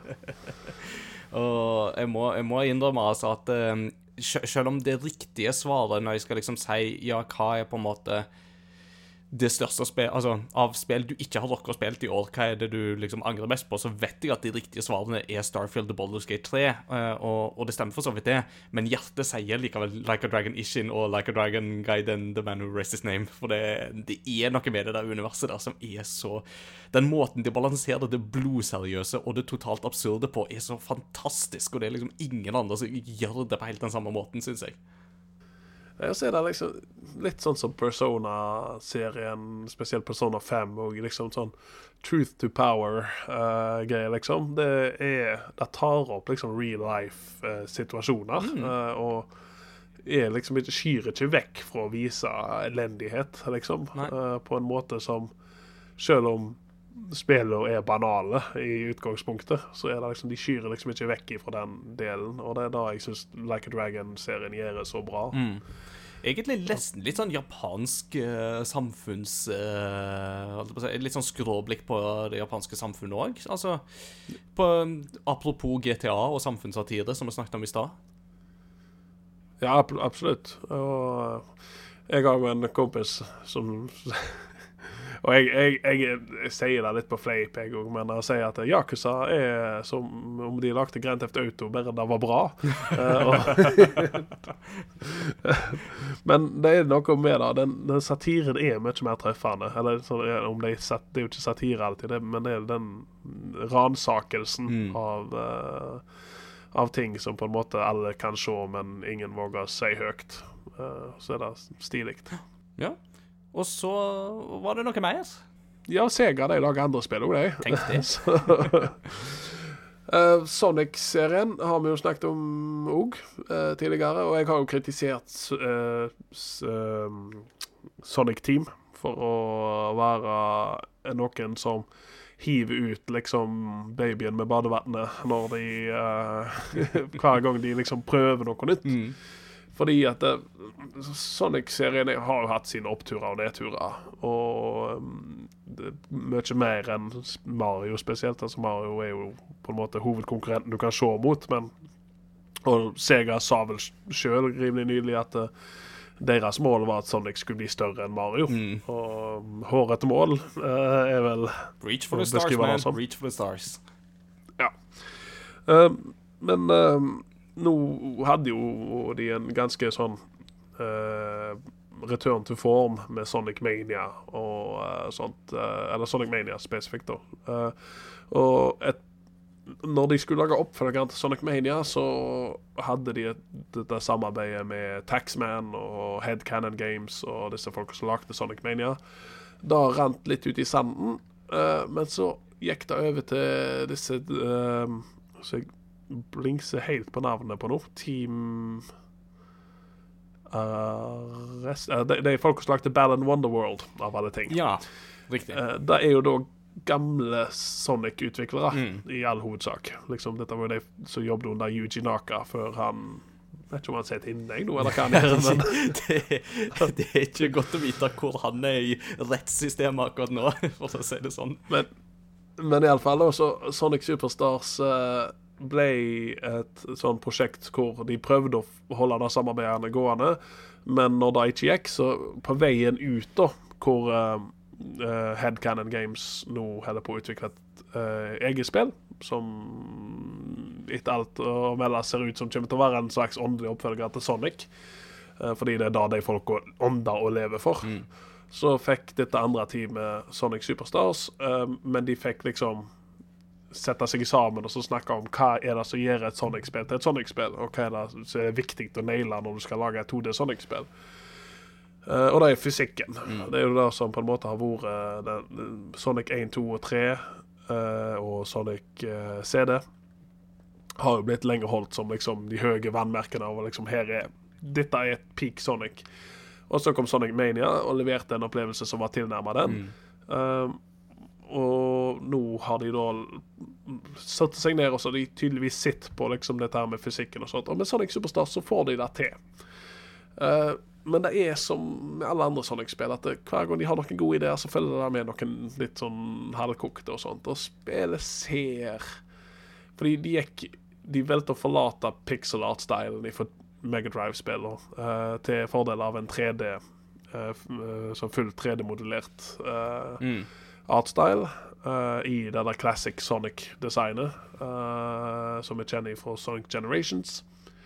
Men ja, det, det ser Det ser litt billig, ikke billig ut, men det ser litt sånn uh, Det ser ut som et sånn iPhone-spill ca. 2010. Uh, litt sånn i presentasjonsmessig. Men når det flyter, og når du sitter og spiller, så kjenner du at det, det føles ut som Sonic. Og det er det som er det viktige for meg, iallfall. Mm. Og det føles ut som Sonic, og jeg storkoste meg med spillet hele veien gjennom. Noen musikkvalg og sånt som ikke er helt supre, men når spillet fyrer på alle sylindere, så er det akkurat det jeg ønsker meg for et 2D Sonic-spill. Mm. Og det liksom føles ut som en videreutvikling av uh, det som på en måte gjorde at uh, Mania føltes så bra ut når det kom ut. Mm. Og da De har fått det liksom det viktige, og sånt, og så får det heller bare være da, at de gjerne ikke leverer et liksom supert spill, men de, de får til nok av de viktige tingene. Mm. Og da, da syns jeg at uh, Sonic Superstars får til. Ja. Eh, På musikkfronten så har jeg vel skjønt at T-Lopes er vel med der òg. Altså han som jo var med på Sonic Mania og uh, Shredders Re eh, Teenage Mutant Ninja Turtles Shredders Revenge i fjor. Ja. Eh, her, og de, de lydsporene som han er involvert i, er knall. Mm. Det er ikke noe, ingenting å utsette på dem. Men det er noen lydspor av og til som minner meg om uh, Sonic the Hedgehog 4. Som ikke er et spill du har lyst til å trekke assosiasjoner til. Nei, det har jeg skjønt. Det spillet er uh, ja. Det er litt som Robocop 3. Du glemmer at det eksisterer. Vil helst glemme at det fins. Ja, eh, og det er liksom sånn Det er veldig spesielt at du går ifra å ha ikke, jeg vil ikke si banger soundtracks nødvendigvis, men at det er veldig bra liksom T-Lopes-musikk. uh, sånn som du forventer ifra han. Uh, men eh, til noen som liksom er sånn Hvor fant dere disse? her? Var det noe dere ikke brukte opp for i når dere lagde Sonic 4, eller er det Og um, da er det litt sånn gjenspillet, for det er, det er en del blanda drops i spillet. Men aller viktigste er, er på plass. Ja. Og så lanserte de jo nå for et par dager siden Sonic Dream Team, som er et Apple Arcade-spill. Oh. Og da snakker vi Da er det boost mode Sonic, altså 3D Sonic, sånn som uh, vi begynte liksom med, med Sonic Adventure og Sonic Adventure 2, Sonic Unleashed, Sonic 2006, eh, denne typen spill. Og dette er da utvikla av et annet lag igjen, som ikke er Team Sonic. Eh, eller Sonic Team. Det er et spill som du spiller på iPaden din eller på Apple TV-en din. og sånne ting Og jeg har en iPad, så jeg, det, synk, du, det spillet har støtte for touchkontroller, men uh, jeg spiller ikke spill med touchkontrollers. Uh, så jeg synk, synka opp en uh, Xbox-kontroller og rigga det opp til TV-en og spilte. Og det første øyekast, kan du si, eller liksom den første stunden jeg hadde med spillet, så følte jeg bare Oi, dette her føltes veldig bra ut. De inkorporerer fysikk på en måte som gjør at du liksom I sånne halfpipes, så du kan på en måte time farten din ut av en halfpipe og inn i en halfpipe og sånne ting. Og det føltes veldig bra ut. Men så begynner de å resirkulere nivåene og liksom eh, assets ifra nivåene veldig mye. Eh, og så begynner du også å legge merke til ting underveis. F.eks. at det, det er seks spillbare karakterer i spillet. Du har Sonic, uh, Amy, Tails, Cookie, Knuckles og Rogue. Eh, og Eller Rouge, heter det. Rouge. At det er Rogue eller Rouge. Men det er egentlig bare tre forskjellige karakterer. Fordi Sonic og Amy spilles nett Tales Tails og Cookie spilles nettlikt. Og så Knuckles og Rouge spilles nett Mm. Og historien er sånn litt så som så, men da du sitter igjen med egentlig følelsen av at hele spillet føles veldig billig. Og sånn liksom Førsteinntrykket føles ut som en, eh, et fullverdig Sonic-konsollspill, liksom. Men så begynner du å spille mer og mer av det, og måten spillet er strukturert på, og alle sånne ting, føles ut som bare Dette her er et mobilspill, og det føles, det føles litt billig ut. Og da eh, Det prøver seg på en litt sånn Super Mario 64 samlemaraton, eller ikke, ikke sånn samlemaraton som du assosierer med Benjamin Kazooie, men du bruker det samme nivået for å gjøre forskjellige oppgaver for å få stjerner. Litt sånn som Super Mario 64. Men de, de, de, de samme challengene hver bane, eller hvert nivå, har akkurat de samme challengene. De er Den første så er det liksom 'kom deg gjennom banen'. Den andre er 'kom deg gjennom banen og samle, eller samle disse fem tingene'. Uh, den tredje er 'kom deg gjennom banen så raskt som mulig'. Og den siste er 'kom deg gjennom banen uh, via alternative ruter og samle fem ting'. Liksom, det er sånn Det føles veldig liksom bare sånn cookie cutter. Uh, det føles ut som de bare har stempla disse oppdragene på banene, og de føles ikke fullverdige ut Nei. som et resultat. da. Så et spill som hadde et veldig godt inntrykk, men som dessverre tapte seg desto mer jeg spilte det. Og og det, jeg var overrasket over hvor fort jeg mista interessen for spillet. Mm. Jeg, har, jeg, jeg endte opp med å spille gjennom det, men uh, det var det var veldig spennende i starten å se noen andre som jeg ikke har sett før, lage et Sonic-spill, prøve seg på den oppskriften. Og de fikk til mye i begynnelsen, men uh, det, det framstår som ganske billig laga. Det er Ja, det er jo synd. du Det er jo synd, for det, det høres jo ut som de er inne på noe, ikke sant? Også. Ja, så er det den babyen og badevannet, da, om de tar dette med seg når de lager Sonic Frontiers 2, eller hva. liksom Det er jo Det gjenstår å se. Det gjenstår å se. er det noe mer du har lyst til å trekke fram for, eh, for lytterne? Nei, nå har jeg snakket nok. Men du Ja. har jo spilt masse, ser jeg. Ja, jeg har jo det. Og noe av dette har jeg jo snakket om før. Altså, I siste episode så snakket jeg om Dave the Diver, som jeg jo fortsetter litt med. Det er jo ve veldig greit å putle med på switchen på vei fram og tilbake til jobb. Komme på jobb og bare sånn at, «Øh, 'Hvorfor ser du så sulten ut, Ingrid?' 'Nei, jeg har laga sushi'. På, på toget. så Nei, altså Jeg liker den der tralten i Dave the Diver. Den liker jeg veldig godt. Det, det, det er sånn god, godt traltespill som jeg liker det. Du kommer inn i en sånn god rytme. Eh, Men, men det har den der ulempen med at du etter hvert så får du veldig mange ting å gjøre. Um, og det blir rett og slett litt um, pun intended bloated, rett og slett. Altså det blir litt sånn som, som, som en pinnsvinfisk som blåser seg litt opp. Rett og slett. Det blir litt for svulma og litt for mye, rett og slett. Det er sånn Hvis du tar en sånn dyptvannsfisk veldig raskt opp til overflaten. Yes, det er litt sånn det blir. Får veldig sånn der eh, nedtrykt ansikt og dårlig stemning, rett og slett. Men, eh, men, men det er absolutt sjarmerende, og de der mellomsekvensene i det spillet er jo helt magiske. Jeg ler hver eneste gang. Det, animasjonsarbeidet der er gull, rett og slett. Så ja, David the Diver er absolutt en uh, gøyal uh, tittel fra året som har gått. Det, det er det. Uh, Ja, det- er er Ja. et spill som uh, må føres opp på backloggen uh, for i år. Jeg har ikke prøvd det, eh, Mm. men jeg eh, har sett veldig mange har snakka varmt om det. Og Mm. nå får det jo sin dues som et indiespill, som det ikke er eh, nei, på det, Game det er det Awards. ikke. Nei. Så Nei, det, det, det er jo ikke et indiespill. Det- Der må jeg si meg uenig med Kili og si at nei, det, det er det ikke. Uh, da er det andre spill som heller hadde fortjent mer fokus der. Tesla Grad 2, for eksempel. mm. Som jo definitivt vil plassere den, den kategorien der. Jeg tror nok ikke at Dave når helt opp til min topp ti i år, men det er ikke sånn veldig langt bak, i så fall. Det, det er det ikke.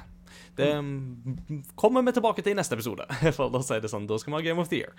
Uh, Spiderman 2, eller Marvel Spiderman 2 om du vil, har jeg nå spilt ferdig historien. Kjempemessige greier. Dette har vært underholdende fra start til slutt. Og det som har vært veldig gøy i dette, denne prosessen her, jeg snakket om det sist gang òg, men kona har jo fulgt med hele tida. Jeg har ikke fått lov å spille det spillet uten at hun har satt og fulgt med på historien, og hun var skikkelig engasjert, hun òg. Og jeg må bare trekke fram sideoppdragene i dette spillet her, syns jeg er så godt skrevet til tider. Du har noen av de som er sånn skikkelig rørende. Og som jeg sa til kona da det ene sideoppdraget var ferdig, og hun satt etterpå bare sånn «Å, 'Dette var kjempefint!' Så jeg sa jeg bare at vet du hva, det sideoppdraget alene var bedre enn alle sideoppdragene i Final Fantasy 16 til sammen. Så det er jo en av grunnene til at Final Fantasy 16 ikke når eh, så veldig høyt opp på min liste i år. Og så det må, jeg si, det må jeg si meg uenig med deg. For der, uh, Ja. jeg syns sideoppdragene i Final Fantasy 16 var veldig sånn Det bar veldig preg av at utviklerne hadde spilt uh, The Witcher 3. Mm. Så jeg synes de liksom Som worldbuilding så syns jeg sideoppdragene var veldig bra. Gameplay-messig syns jeg gjerne ikke var så voldsomme, men som worldbuilding så syns jeg de var veldig effektive. jeg, jeg liker hvordan de i Final Fantasy 16 gradvis bygger opp øh, verdenen. Og at det er til å begynne med så er alt veldig standard, men så etter hvert som du kommer til samme person og gjør flere og flere sideoppdrag, så blir du mer og mer kjent med de og verdenen. Det, det, det var en sånn kul greie, men selve innholdet i oppdragene, altså hva du måtte gjøre, Ja. ble jo bare fy, Ja, det, det ble kjedelig. Veldig fort. Ja. Uh, City Skylines 2 bygger jeg litt mer på. Uh, det, det, vokser på meg, det, altså, det spillet der. Men det, det frustrerer meg litt at jeg ikke får det spillet til å se pent ut. Uh, Sjøl med 3080 TI-kort og en maskin som er relativt ny. Altså, handla jo ny, alt nytt for to år siden, liksom, og likevel så får jeg ikke det spillet til å se så pent ut som skjermbildene til Colossal Order sjøl får det til å virke. Så det, det, det har sine issues, dette her. Jeg har merka at det er mest skygger som utgjør det. Altså Hvis jeg skrur av Shadows, så går spillet veldig greit, men med en gang jeg skrur det på, så tenker ytelsen eh, så det synger, altså. Men hadde ikke de Jeg vet ikke om de har fiksa det, men det var vel et problem med at spillet driver og rendrer tennene til alle individuelle innbyggerne i spillet. Vet du hva, det, det, Jeg har ikke gått så dyp, i dybden at jeg har sjekka tennene etter hver enkelt. Så, men, Nei, jeg, jeg tror det var tilfellet, faktisk. At spillet driver og rendrer alle karakterene, liksom, inklusiv tennene deres. Så det var en av problemene til performance-hiten i spillet. Um, det burde jo være enkelt å fikse, da. Men De skal ha på ambisjonsnivå, iallfall. Men det er veldig kjekt. Det, det er ikke noe å si på det. Det er mer Cities, og det er aldri feil. Eh, Så det er veldig kjekt. Men jeg har spilt eh, to nye spill som jeg eh, tar med denne gangen her. Og vi holder oss i det nordiske. Jeg har begynt på Cocoon på PC. Det er jo det nyeste spillet til Lars What's His Name, som var en av hovedhjernene bak Limbo og Inside. Og jeg er jo en av de rare som ikke falt så veldig for Limbo. Altså, ja, nå ser det Anders veldig rart på meg. Altså, jeg, jeg spilte Limbo, og jeg syntes det var helt greit, men jeg fikk ikke den der store wow-følelsen som jeg følte at resten av internett hadde. Så det kan hende at det bare var forventningene som ikke matcha det som jeg spilte. Og jeg må innrømme at Inside har jeg aldri spilt. Eh, Så langt har jeg aldri kommet. Men jeg har begynt på Cocoon, og så langt så er det en veldig artig opplevelse. Du spiller som en sånn eh, Hva skal du si? Et slags sånn insektmannvesen i et setting der veldig mye ting har veldig sånn insektpreg over seg, med litt sånn harde skjell og vingetendenser og litt sånne ting. Og så går du i et språkløst landskap og løse puzzles. eh, og av og til kjempe mot, noen bosser og litt sånne ting. Men det som gjør dette spillet her så interessant, er jo det at mye av puzzle-løsninga her er knytta til sfærer. Så du må tenke veldig sfærisk, fordi du plukker opp en sfære, og så tar du den med deg til en plass, til en plass og så hopper du inn i den sfæren, og da er du plutselig en helt ny verden. Og så går du der og løser litt puzzles, og så kommer du plutselig ikke videre derifra. Og så hopper du ut igjen til den opprinnelige verdenen, og så må du tenke sånn sfærisk. Som er en sånn utrolig kløktig måte å tenke på. Og dette her går jo instantaneous. Eh, Det er jo litt sånn som i Ratchet Clank når du skifter og så går gjennom disse portalene og sånt. ikke sant? Altså Det skjer umiddelbart. Det, det, teknisk sett så er det kjempeimponerende.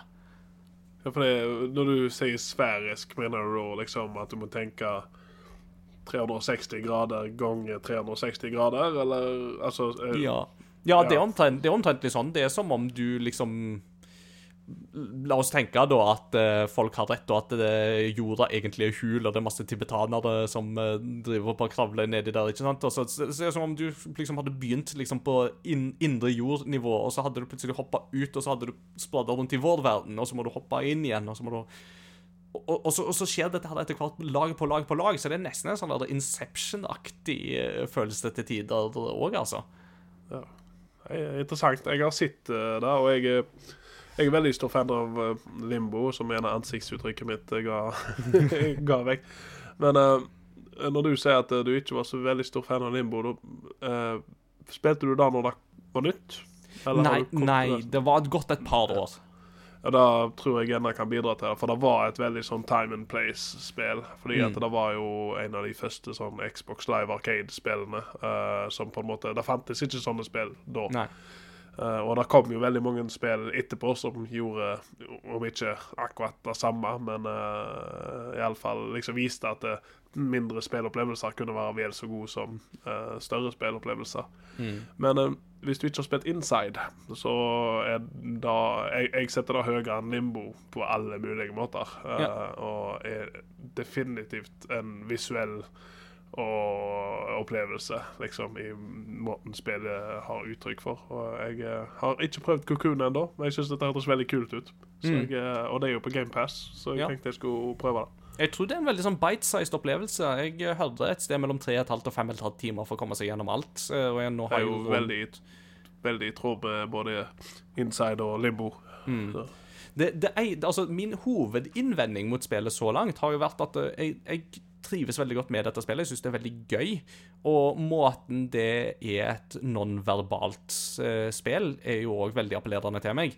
Men samtidig så kjenner jeg òg at dette spillet lever litt i skyggen av Tunic for meg.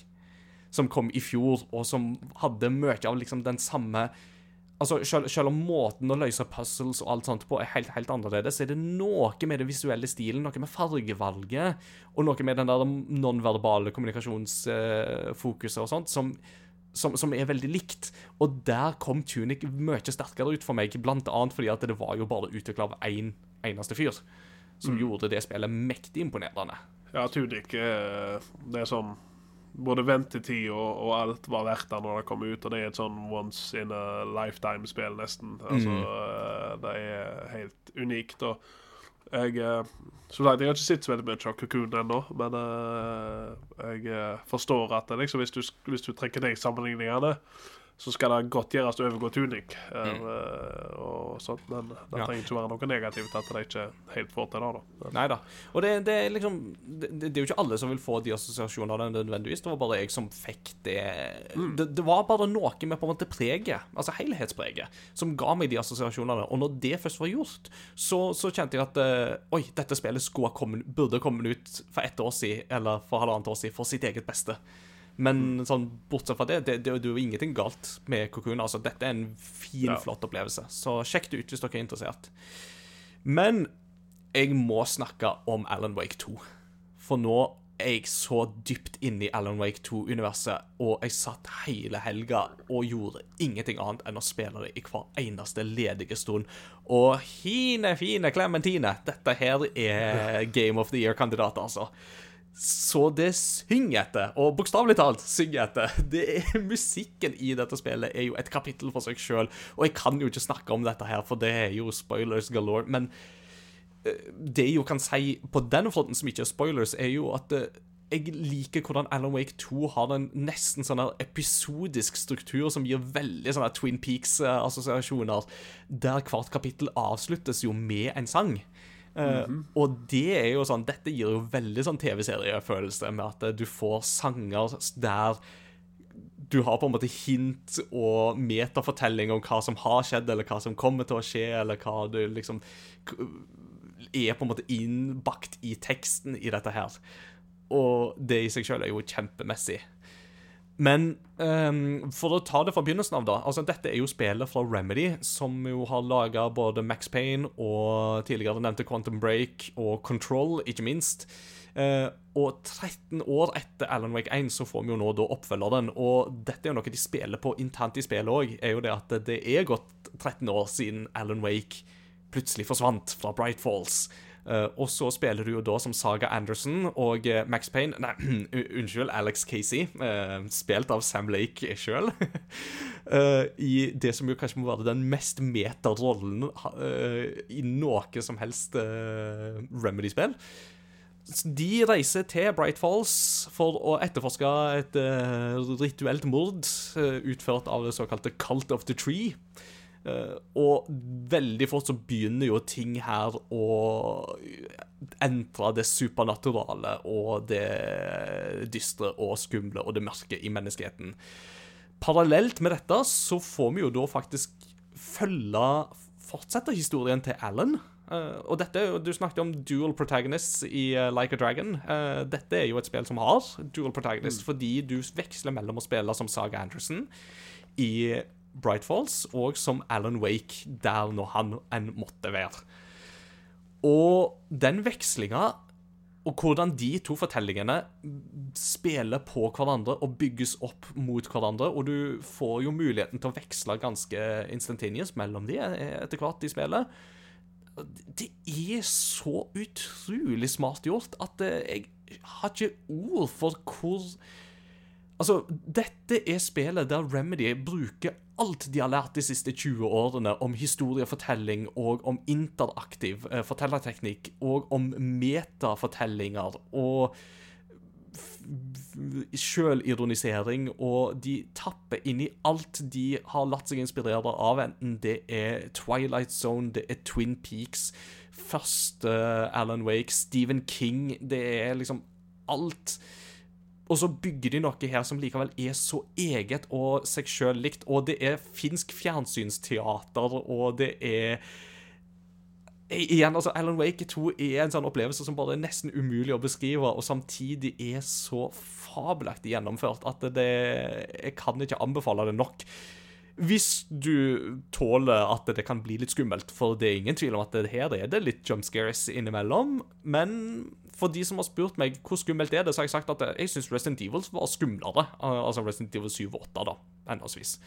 Og så er det klart at For noen av våre lyttere i alle fall, så er det jo klart at det som på en måte tapper inn i den slags type supernaturale og eh, tenderer til nesten det okkulte Du har jo den der Cult of the Tree, som jo er en veldig sånn der eh, nærmest sånn der eh, hobbysatanister, skulle jeg til å si, ut på bygdeskauen i eh, Washington, Oregon. Eh. Om, om du er litt sensitiv for den slags type ting, så er det kanskje ikke dette spillet for deg. Eh, det, det, det må nok sies. Men hvis du likevel på en måte tåler den slags type tematikk og sånne ting Dette her er et eh, banebrytende, epokesettende spill, altså. Det er det ingen tvil om. Ja, er, jeg, jeg er jo veldig stor fan av Remedy.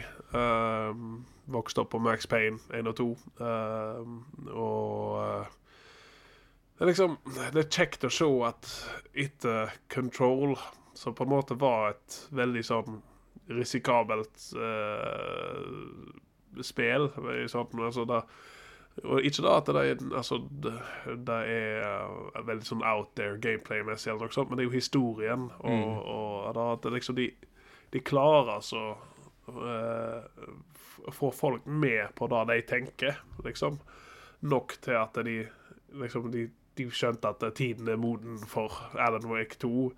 Og det liksom spillet òg hintet til at det har vært andre Alan Wake-oppfølgere under utvikling som har blitt skrota på et annet tidspunkt. Altså det, det, det, det, det med metagreiene som vi snakker om. Så, og det er jo ikke det at det, det er en oppfølger til Alan Wake 1. Det er jo oppfølger til Alan Wake American Nightmare. Det er oppfølger til Control.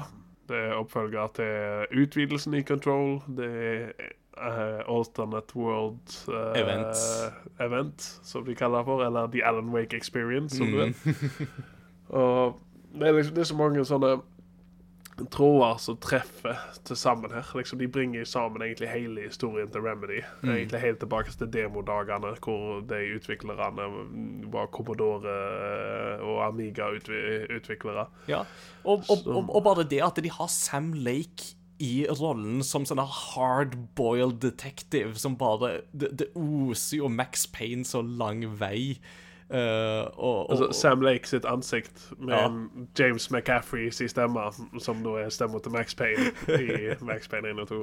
Så det, det, ja, det er det, det, det er helt nydelig. Og vi har ikke snakka om akkurat det, men altså grafikken òg i dette spillet. Altså teknisk, Det tekniske i dette spillet her er på et helt annet nivå. For her er det jo dette her med moderne maskinvaren får kjørt seg med at du har sånne miljøskifter som er instantaneous.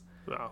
Og det er så imponerende hver eneste gang. Og så igjen med lyseffekter og hvordan rollefigurene ser ut, og denne her vekslinga de har mellom eh, ekte film eh, Altså at de filmer figurer på, på ekte, kombinert med at du får en sånn overlay mot spillfigurene, og at de jo av og til Plutselig så er du på, si, på besøk hos Mr. Door, og så er det real life-sekvenser, og igjen, altså dette her er Dette er et spill som kommer til å bli snakka masse om når årets spill skal kåres, og det er ikke uten grunn. Ja, og det er at ikke bare er det, da en kandidat for det, men jeg syns spillet slår et veldig godt slag for spill som kunst-debatten. fordi at det, det er liksom ikke et tradisjonelt spill heller. Eller det er det òg, men det, det er denne her liksom sammenkomsten av teknisk ferdighet i lag med kreativ visjon. Uh, liksom, altså alt Samspillet er så enormt at uh, det er liksom spill Spill er kunst, er jo min Det liksom min måte å se det på, men uh, dette er liksom sånn Andy Warhol-aktig eksperimentering med mediet som eh, som virkelig eh, Jeg tror eh, Du snakker om årets spill, men jeg tror det er et spill som kommer til å bli huska langt utover liksom, levetida til denne konsollgenerasjonen i seg sjøl. Liksom. Altså, det, det er et spill som på en måte fortjener sin plass, bare fordi hvor Ikke bare ser tilbake på Remedy sin historie, men spill som medie og Twin Peaks, som du nevner. Altså mm, kultur generelt sett. Det er, ba- det er bare Eh, sånn, ja, altså det, det er så imponerende bare hva, hva de kan få til, hva de kan klemme ut av en tittel, og allikevel det er ingenting som føles overflødig. Det, og så elsker jeg hvor usjenert finsk dette spillet er. Altså, det er, du er jo i Washington, eh, staten Washington, men du er jo i stat, altså, en eller annen del av Washington der tydeligvis alle finske emigranter slo seg ned i sin tid og bare liksom lever sitt liv. Og om du ikke skal ha noen ting annet av dette spillet her, så gå på YouTube og så søker du opp Koskela Brothers. Og så ser du disse reklamefilmene som eh, Jako og Ilmo Koskela har laga om eh, sine forretningsvirksomheter der oppe. Det er hysterisk. Og jeg snubla over en av disse reklamefilmene eh, da jeg spilte spillet, og jeg bare satt i sofaen og bare Yes! Jeg bare liksom jubla høyt, og kona bare Hva er det? Jeg fant en ny reklame! så Alan Wake 2 Altså, er Lords and Ladies og alt dette er for Max Payne 1 og 2 og er liksom, det er sånn det, er, det, er så, det er så remedy. Og, det er så, og det står så respekt av det, spesielt etter uh, liksom Quantum Break kom og gikk, og, og liksom det var sånn, Alan Wake ble ikke den store suksessen som de hadde håpa på at det skulle bli. og sånt, og det, det står så respekt av at de holder på det som gjør Remedy til Remedy. Og det, det hadde ikke gått an hvis ikke Control uh, resonnerte med folk. Nei.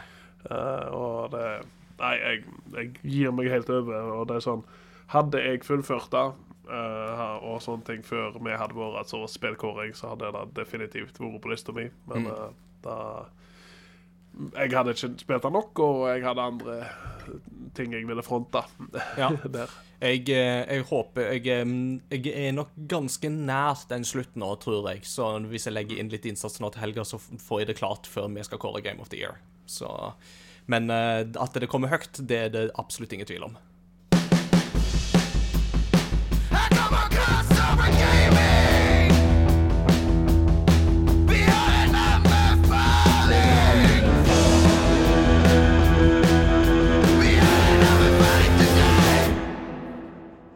Da har vi snakka mangt og mye om ting som eh, Ja, om spill iallfall, som kan anbefales. Men eh, Anders, du vil gjerne komme med en annen anbefaling òg, i anbefalingsspalten. Jeg føler liksom at vi har gått gjennom ei tid hvor uh, vi begynner altså å se veldig mye tilbake. Så Altså, I år er jo 25 år siden 1998, eh, som mange holder som uh, en av de beste spillårene i historien. Men ikke bare da, men folk er blitt mer bevisste på at vi må ta vare på histo- spillhistorien. Eh, og vi har jo Video Game History Foundation og Limited Run og disse her, eh, inns- eh, inn- sånn prosjekter da, som går, foregår på tvers av industrien vår. Og en av de bedre der har jo vært eh, Danny O'Dwyer sin Noclip-serie. Men, men det er òg andre å trekke fram. Uh, jeg så han var Gamespot hadde jo en veldig bra en rundt lanseringa av Phantom Liberty, som er sånn Litt av det som Jeff Keeley faktisk ble kjent for i sin tid, var liksom dette her å integrere seg eh, hos eh, spillutviklere og liksom være litt tett på og dokumentere disse eh, eh, bragdene. Så, og spillanseringer og sånne ting. Og Half-Life, eh, som et veldig eh, formativt skytespill for min del, men òg liksom et veldig viktig skytespill på veien uh, gjennom historien. Eh, og uh, sånn fylte jo nå 25 år. Og i den anledning så har Valve et selskap som er notorisk kjent for ikke snakke om hva de holder på med, og ikke liksom utbrodere om eh, sin egen kultur innad og eh, sånt. De, de er notorisk for å være hemmelighetsfulle. Har da latt Danny O'Dwyer, kanskje verdens største Half-Life-fan, eh, fått komme inn og intervjue folk, og eh, de fikk satt opp en eh, PS, tidsriktig PC med Half-Life eh, kjørende på det. Utviklerne satt og spilte det og fortalte historier, og alt ble lagt i en dokumentar som ligger på Valve sin YouTube-kanal, eh, som da eh, heter Half-Life The 25th Anniversary Documentary, som er verdt å se. Han er ikke så veldig lang, jeg tror han er rundt en time eller noe sånt. Verdt å sette seg ned og se. Og hvis det er noe som fenger, gå og se på hva Danny O'Dwyer har gjort med Noclip. Han har hatt videoer om Half-Life hvor han uh, sier at jeg skulle ønske jeg hadde tilgangen til å intervjue folk og, bak dette spillet. Men han gjorde liksom det beste han kunne. Han snakket med industrifolk om hva Half-Life betydde for dem når de lagde sine spill og sånne ting. Og det, det er liksom endelig den tilgangen som jeg håper mm, vi bør få gående fram gjennom, og at vi får dokumentert eh, hvordan spillmediet eh, blir til. Og det er sånn eh, jeg tror spillere og spillentusiaster har godt av å se liksom at eh, ja da, vi planla for dette, men det ble ikke noe av fordi at det, var så og så vanskelig og sånne ting. Det, det er et sunnhetstegn hvis vi kan være litt mer åpne på tvers av alt. Og da føler jeg denne dokumentaren vel, veldig viktig eh, arbeid som er lagt ned, og verdt å få med seg. Helt klart. Er det ikke noe sånn at de sier i den dokumentaren noe om at Gabe hadde egentlig et mål om at det skulle skje noe i det spillet hvert tredje sekund? Jo, eh, og da, hvis du har spilt gjennom Half-Life 1, så er det tilfellet òg. Det skjer ting hele tida. Ja, det gjør det, men kanskje ikke hvert tredje sekund. Det- Nei, ikke fullt så ofte, men eh, Men da er Det var jo litt med denne her eh, utforskninga i Breath of the Wild òg. Var jo litt eh, samme tankegangen. At det Ja. ikke skulle skje så ofte, men at det var liksom Du skulle hvert Du, du, har, du, du, du har sånn. Uansett hvor du står, så skal du alltid ha tre interessepunkt som vil fange Ja. interessen din. Ja, Så det er en sånn trianguleringseffekt som de bruker. Og det er liksom det, det, det er interessant å se liksom den eh, hvordan, folk, disse folkene som lager disse opplevelsene, som er på en måte har spilt uh, har tenkt rundt disse tingene. Mm. Og så er det jo dette her uh, Shigeru Miyamoto-sitatet som har blitt feilsitert. Dette her 'Good game is forever bad'. Eh, A, ba- a, a, rushed video game is bad forever, but a delayed video game is eventually good, eller et eller annet sånt. ja. Ja. Uh, da er jo feilsitert. Men Gabe Newell har jo sitt eget sitat der, da, hvor han eh, sier 'suck is forever'. 'delayed is great', eller et eller annet sånt. Men uh, ingen, ingen snakk om Half-Life 3, ingenting snakk om sånne ting. Det er liksom De snakker om Half-Life Ja. 1. Så bra. Eh, spillet fortjener fortsatt oppmerksomhet 25 år senere. For dette er en hebreke pachinko-kontroller til Super Nintendo. It's curiosity. What are you gonna show to me? It's curiosity. What a neat thing to know. It's curiosity. What are you gonna show to me? I haven't even heard of it. What a neat thing to know. It's a great part of the show. I uh, real life så var det jo nå nylig en eh, Det man må jo kalle en historisk skikkelse som gikk bort. Henry Kissinger i en alder av 100 år, og som var aktiv til det siste. eh, På godt og vondt, vil jo mange si, avhengig av hvem du Vondt, spør. mest vondt. Mest vondt, ja. vondt. Mest vondt. hva får det på øret her. Og, og hvis vi skal tro Assassin's Creed, eh, så stemmer det eh, ganske godt. Fordi at visste du det at ifølge Assassin's Creed så er nok Henry Kissinger egentlig en tempelridder. Eh, Skulle ikke overraske meg. Nei, det de som, de, de som har eh, fulgt eh, Ja, egentlig all etterkrigshistorie, vil nok kunne se en mann som ikke var redd for å holde på å si gjøre og si det han sjøl ville, og, mor, mo, mo, moralsk dømme deg Altså at historien skal dømme deg, be damned, liksom. Det, men uh, Henry Kissinger uh, snubler jeg over at uh, det, det er en sånn Abstergo-gåte i Assassin's Creed Brotherhood, der uh, vi får eh, se Henry Kissinger. For der i det spillet så er det noen sånne rifts som du kan snuble over, som der du har dette Hva skal du si, da? At skillet mellom fortidsminnet og de moderne realitetene hos Abstergo, altså det blir på en måte litt sånn utydelig, og i dette her så må du ofte løse noen sånne kryptiske gåter for å eh, få eh, belønninger.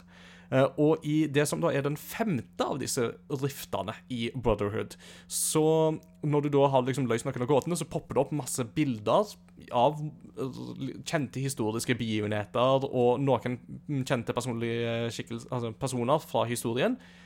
Som da med den antydningen om at ja, dette er jo da tempelridderne som er i aksjon og liksom gjør sitt for å kontrollere verden og sånt. Og et av de bildene vi ser der, jo da, det er Henry Kissinger som uh, går ved siden av um, en som jeg ikke husker i farten, og uh, helt tydelig legger inn sine aksjer for uh, tempelriddernes verdensherredømme. Så republikanere er tempelriddere, er det jeg hører. Så har du demokrater er assassins.